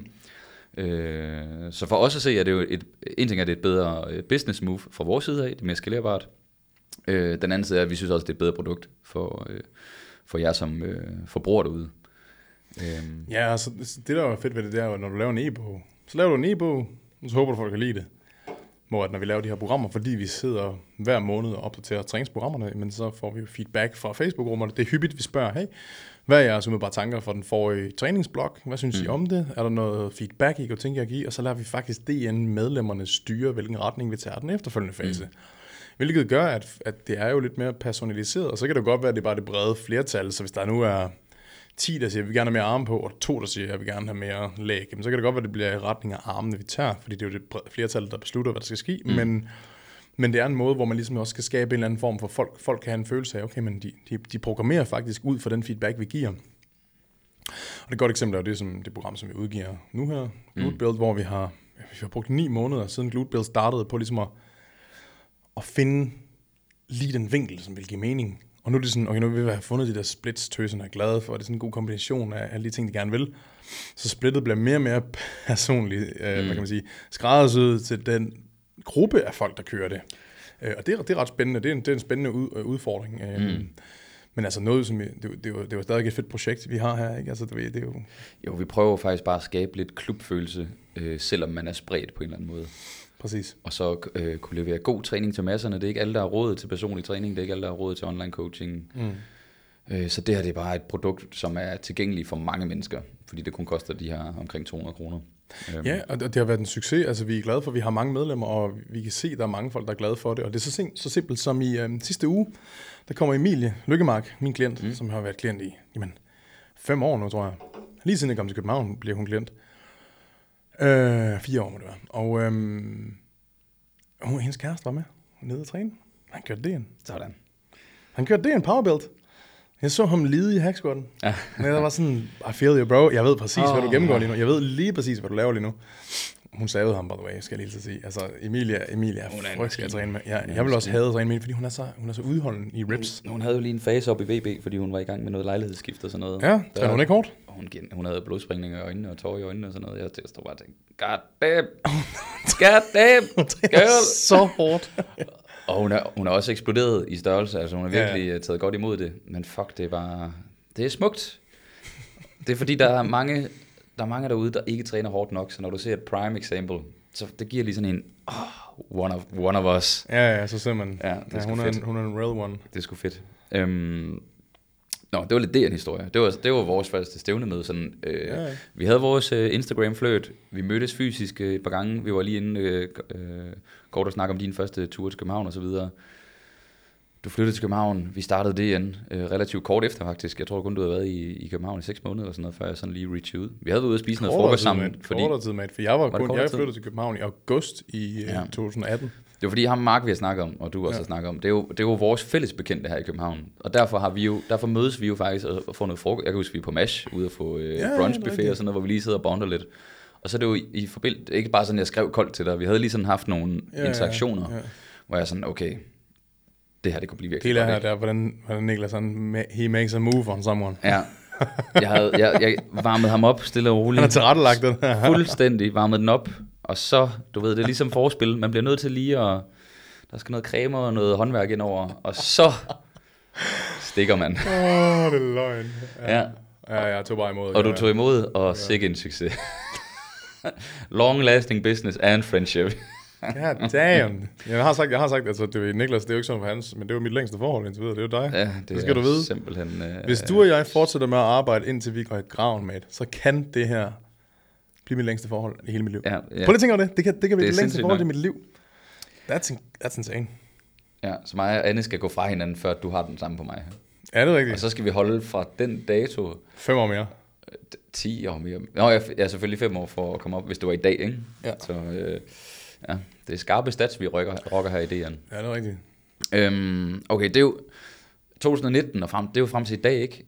Øh, vi gav lige kort i vores introduktion, øh, hvad vi ellers beskæftigede os med, men det er jo sådan lidt, nu er vi ved at være oppe i nutiden jo, altså, mm. og nu, nu begynder der at ske nogle, øh, alle mulige andre ting, vi er blevet klogere, både teoretisk, øh, i træning og coaching, alt det her, vi er blevet klogere på forretning, vi interesserer os måske mere og mere for forretning. Jeg kan i hvert fald mærke min ratio, da vi startede 100% personlig træning, så er det som om, så kom der lige en, øh, hvis man forestiller sig sådan et ostediagram, eller hvad fanden man kalder det, et cirkeldiagram, du ved, mm. så begyndte der lige at komme en firkant eller en trekant af noget business, og så er det som om, Ja, business begynder at fylde mere og mere, det er det, man også synes er interessant.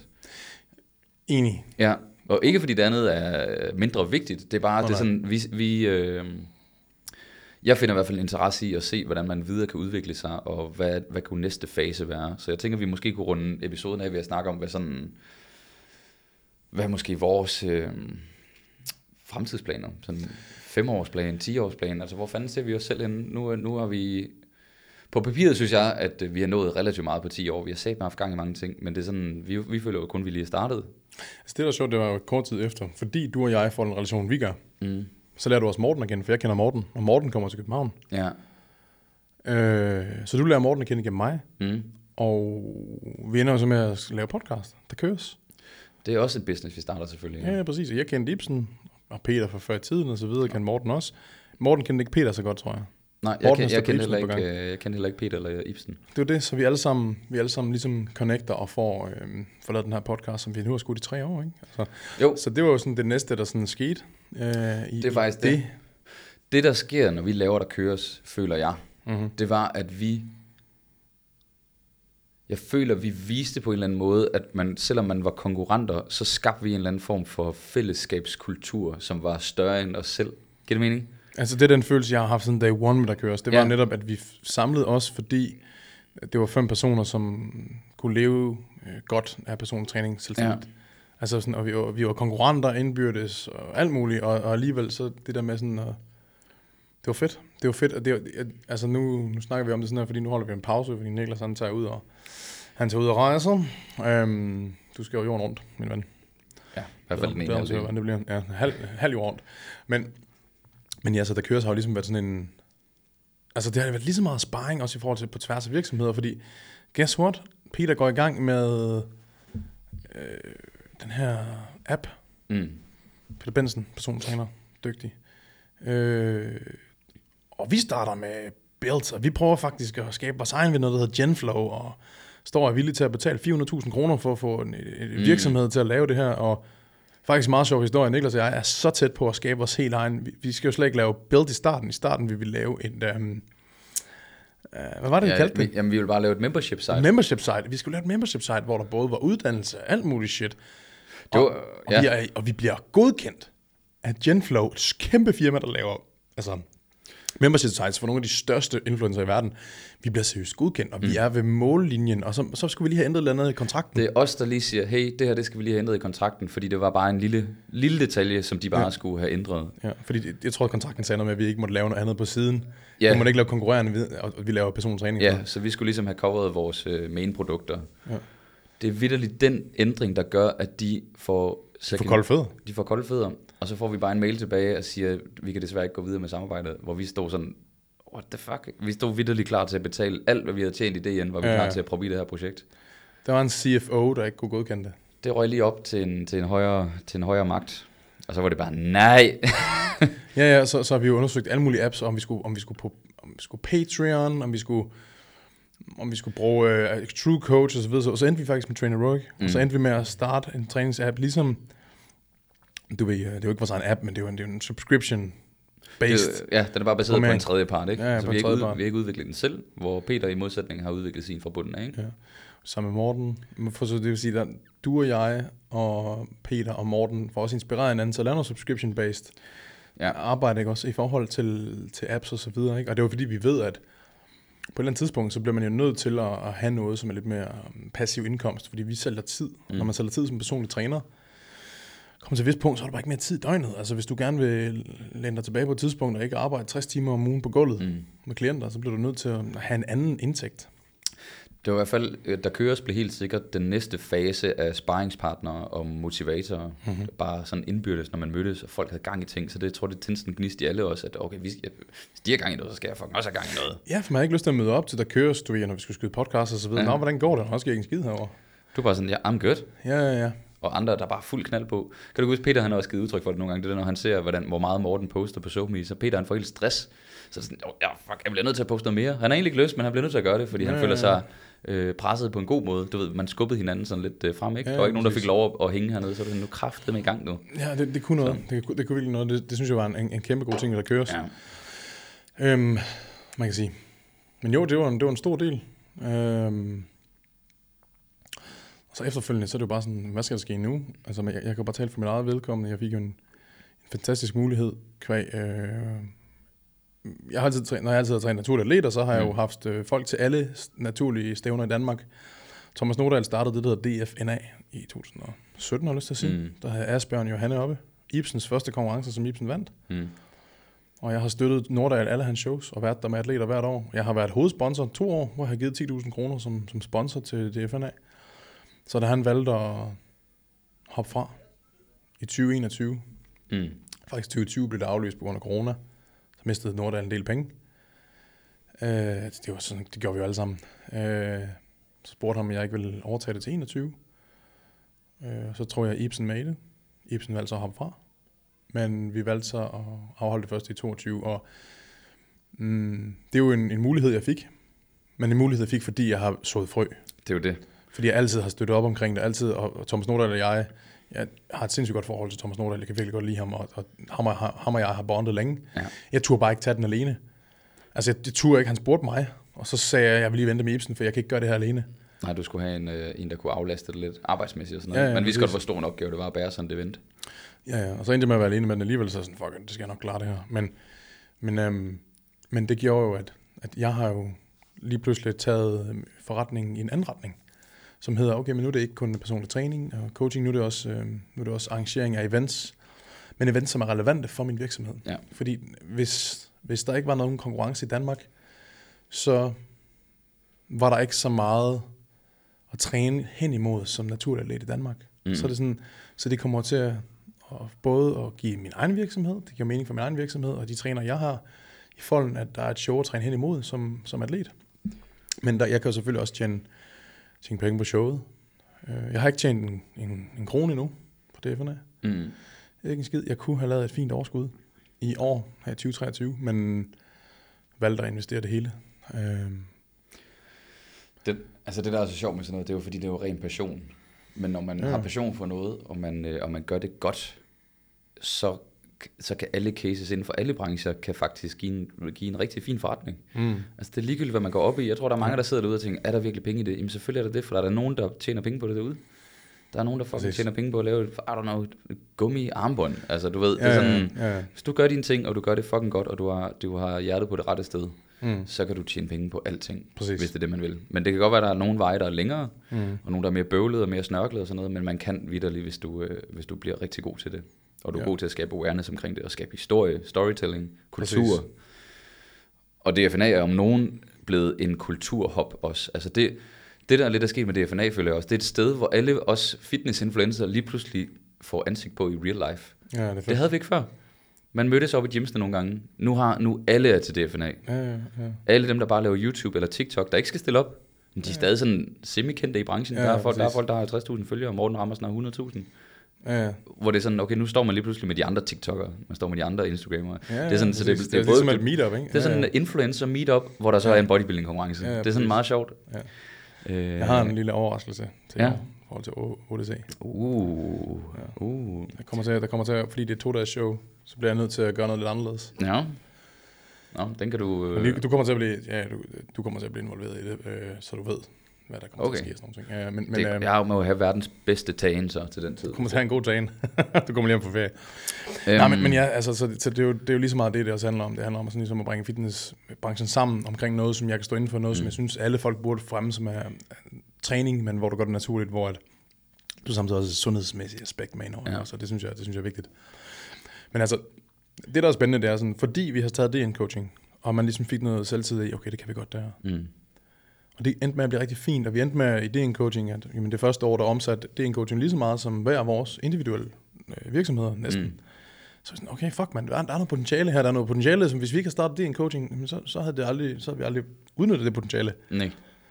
Men, men øhm, okay, man, der er, man kan godt det, man sætter sig for, lærer man, ikke? Du mm. ved, det, var, det, var lille, det var lidt et gnist af, okay, jeg, jeg kan det, jeg sætter mig for, ikke? Ja, præcis.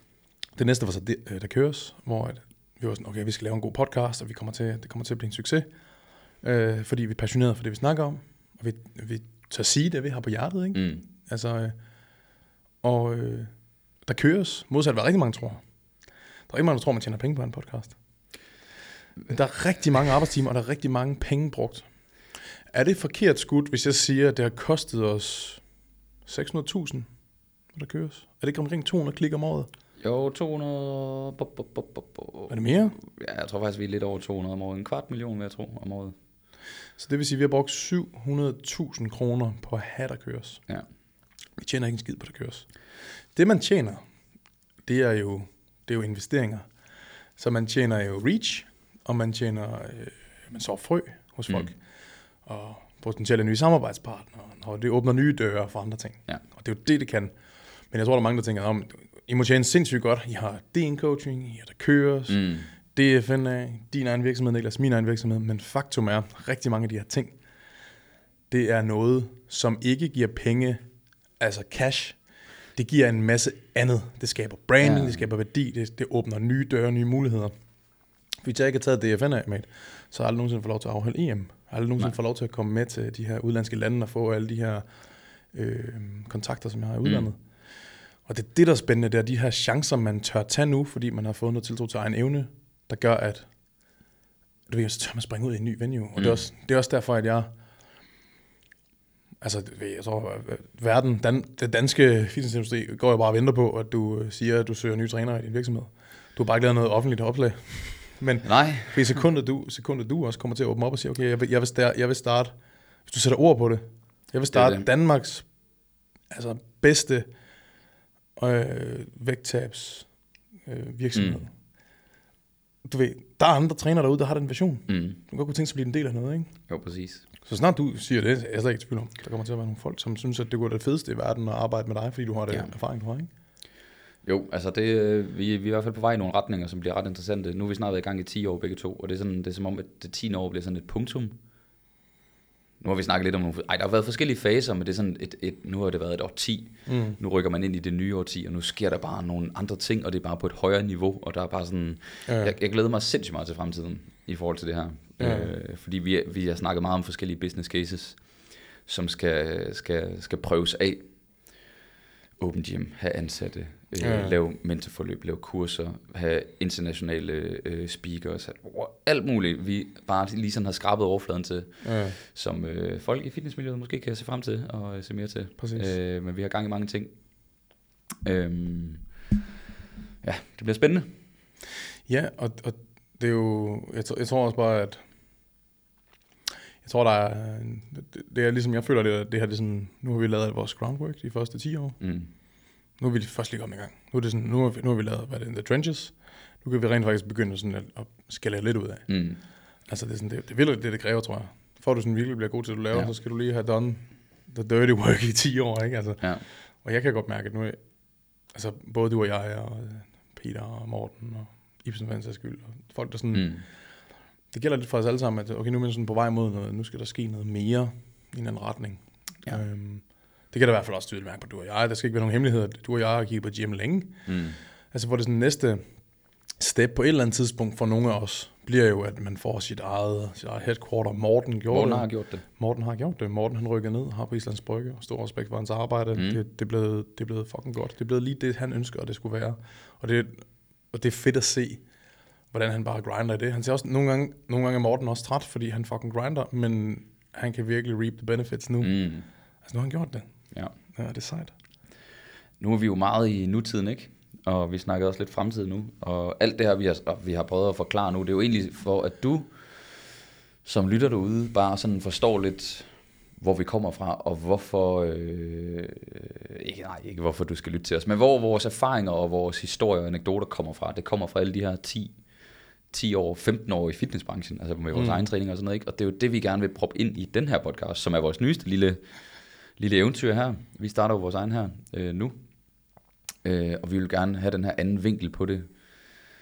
Erfaringer, anekdoter og mm. Historier og sådan noget, så det bliver sådan lidt en anden vinkel til fitness. Det bliver måske også mere businessagtigt, det bliver også mere personligt. Øh, Ja, og også fordi vi er et helt andet sted, end vi var for for eksempel 10 år siden, eller for Ja. 5 år siden. Altså sådan rent træningswise, hvor du og jeg er nu her. Jeg kan godt lide tanken om, at vi kan dele rejsen nu. Ikke for at fortælle historien bagefter, men Ja. dele den, hvor, hvor vi er lige nu. Ja, Og fordi, fordi det er sådan, lige nu er, er man et sted, hvor at alting du og jeg sætter os for lige nu, som vi sagde om før, så har vi aldrig rigtig lønnet os selv i DN coaching. Ikke Mm. rigtigt. Så vi har brugt rigtig meget tid på at investere, investere, investere, investere. mm, Så hvis vi skal give råd til folk lige nu, når det kommer til business, så er det at skabe noget. Det kan vi. Men at tjene penge, det kan vi ikke. Let's be real.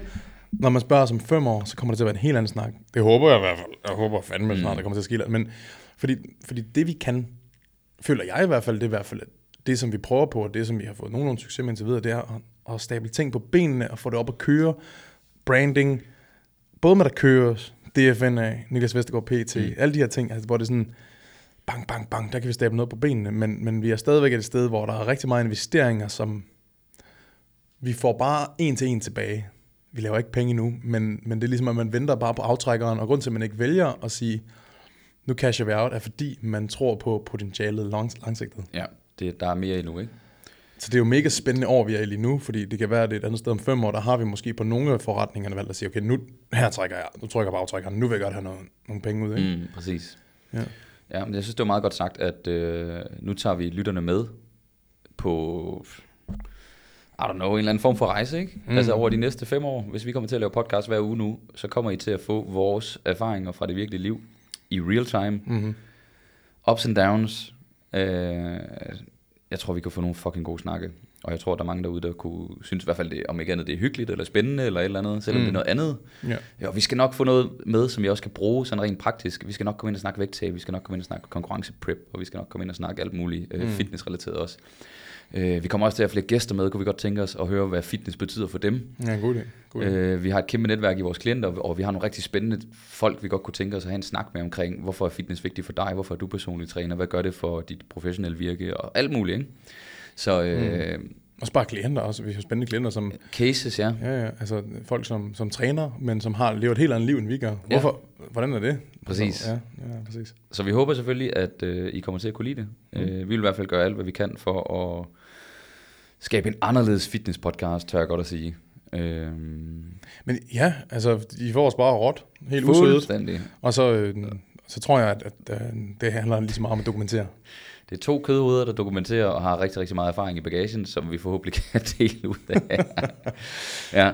Ja. Øhm, jeg ved heller ikke, om der er så meget mere at sige, fordi nu har vi, nu, nu har de fået, I har fået den fulde storytelling. I kender os måske lidt bedre nu. Øh, fyr løs med nogle spørgsmål eller kommentarer eller et eller andet, og så skal vi nok øh, læse det igennem, og så øh, kan I være lige så meget med til at påvirke den her øh, podcast i en eller anden retning. Mm-hmm. Det kunne være dejligt. Så tænker jeg bare, at vi, øh, vi simpelthen klør på nu. Vi, Vi vi skal kommer ind- til at få en masse, en masse afsnit, fordi vi har allerede skudt. Vi har sgu lidt i forvejen. Ja. Ja. Vi havde bare glemt at lave en intro. Den fik I her. Det var introen. Det var en lang intro. Det var en lang intro, men, Men altså, ja. det er jo et hyggeligt afsnit. De skal lige lære os at kende. Ja. Dem, der allerede kender os. De kan bare skifte det afsnit. de er væk. De, dem har vi ja, ja, de har, de har ved afsnit, afsnit 2. Måske afsnit 3. Det kan være, det her bliver to afsnit. Måske det bliver to, det finder vi først ud af i post-production. Om ikke andet, vi skal ind og, øh, vi skal ind og arbejde videre. Vores dag øh, har vi jo godt nok pralet med lige at startet. Det var det, vi lagde op til. Nu er, den, nu er den lidt i fire, og vi har simpelthen et par timers arbejde foran os. Det har, været, det har været en vild dag. øh, Det har, ja, været en, det har været en vild dag i dag. Altså, vi har, vi har aldrig skudt så meget podcast på en dag, og samtidig til gengæld ikke lavet andet. Nej, det, vi, havde, vi havde nogle tekniske issues midtvejs, så vi havde no, jeg skulle lige have noget kage og sådan noget. Der var, nogle Ja, gæster, der var nogle gæster her på kontoret, vi lige skulle bonde lidt med og sådan noget. Ikke? Vi sidder jo i uh, Naturlig Elite uh, headquarter her, og uh, så vi har de drenge, vi lige skal, dem skal vi lige nøse lidt om. Du ved, vi har lidt, mig og Daniel har lidt sådan, sådan lidt en daddy roll, begge to. Det er sådan, de er unge og, og gang i dem, ikke? Så vi kommer ikke ind og nøse dem lidt. spise, vi bliver nødt til at gå snegle til dem. Ja, du ved, vi skal lige sørge for, at de har noget sul på kroppen og ikke dør af stress. Øh, ja. Og så kommer der nogle spændende mennesker engang imellem ud i det her headquarter, som vi også lige skal bonde lidt med. Apropos 100%. DFNA og mødes og sådan noget. Nu, det her Ja, det ja. er sådan endnu sådan en hop, hvor man tænker, holy fuck, de har fandme fået skabt en uh, kultur også, drengene derinde. Øh, så, men ja, vi skal ind og uploade nogle programmer. Øh, gå ind og køb adgang til det, hvis du mangler et uh, stærkt program. Det er os, Mm. der sidder og laver det. Øh, nu har du i hvert fald vores erfaringer. Dem får vi proppet ind i den her app. Og, de, og dem kan du altså købe adgang til for, for 27 dollars. Præcis. Øh, og du kan virkelig starte i dag, hvis du vil. Du kan sign op, og programmet er klar. Good to go. Ja, det er det, der er pisse fedt. Ja. Og vi er, op, vi er vildt opdateret real time lige Ja. nu. Min, det er jo sådan min bedre halvdel af Augusta. Hun kører programmet. Hun kører en af vores programmer. Hun er rigtig, Mm. mm. glad for det. Det hedder Glute Build. Hun har lige skrevet til mig. Kan se, hvornår kommer det nye program? Fordi hun, Ja. ja. hun deloader lige nu. De deloader lige nu, og de skal have et nyt program for mandag. Men folk kan godt lide at få det up front, så de kan se igennem, hvad der skal ske igennem de ugen. skal lige lure og se, Ja, ja. uh, uh, kommer den med? Den her fase, den bliver god. Det er high frequency glutes. De skal træne baller hver dag næsten. Jeg, jeg bliver sådan helt hype nu, når vi snakker om det, kan man. Det gør jeg også. Jeg bliver Det også hype på det. Ja, jeg overvejer faktisk at køre det, men jeg er bange for at komme ud af symmetri. Så kommer for meget Du røv. har jo sådan en enorm røv med i dit Så jeg tror ikke, at symmetrisk vil være et problem. Det kan du ikke. Det kan du ikke, mate. Det må du ikke. Det kan godt være, det kunne sælge. Men jeg har jo i virkeligheden vundet. Jeg har fået min kæreste til at køre det. Jeg siger bare, at du mangler jo at få din kæreste til at køre glutblad. Du, Ved du hvad, jeg det burde lidt. faktisk bare få hende til at køre det. Ja, fordi Det er jo genialt. hun, øh, jeg lavede et program til hende for lang tid siden, og jeg tror egentlig bare, hun kører det samme igen og igen. Så jeg kunne lige, hun kunne lige så godt have adgang til tredagsprogrammet, mm-hmm. og så bare køre det, og så bare skifte lidt. Hun træner kun to gange om ugen. Men så det er jo ligegyldigt, så springer hun jo bare en dag over, eller rykker rundt, fordi det kan man i appen, fordi den er så smart. Du laver en rabatkode til en, du bilder hende ind. Det er hver måned, den gælder. Ja. Det er kun første måned, den gælder. Og så tjener vi også penge på din Så tjener kæreste. vi kassen på min kæreste. ja. Jamen, der vil ikke, der vil ikke andet at sige end uh, tak for nu. Og kæft, var hvis det. du, har, hvis du har holdt ud indtil nu, uh, imponerende. Uh, mig og Daniel kan godt trække lidt lange uh, drag nogle gange ud af tangenter. Vi synes jo selv, vi er pissefede, men det er jo ikke sikkert, at folk synes, vi er lige så fede. Jeg føler, at vi, øhm, det, det, er jo, det er jo det, der sker. Det er jo, at vi jo ikke holder os inden for nogle rammer, for nu har vi ikke nogen rammer. Og sådan er det. Og sådan er det. Ja, Forhåbentlig har Mathias klippet lidt fra. Mathias red episoden for fanden. Ja. Ja. Ja. Tak for nu. Tak for nu for fanden. Dejligt snakket. For fanden. Tak for fanden. Dejligt lyttet med. Ja, Dejligt det lyttet var med. det. Hej hej. Hej.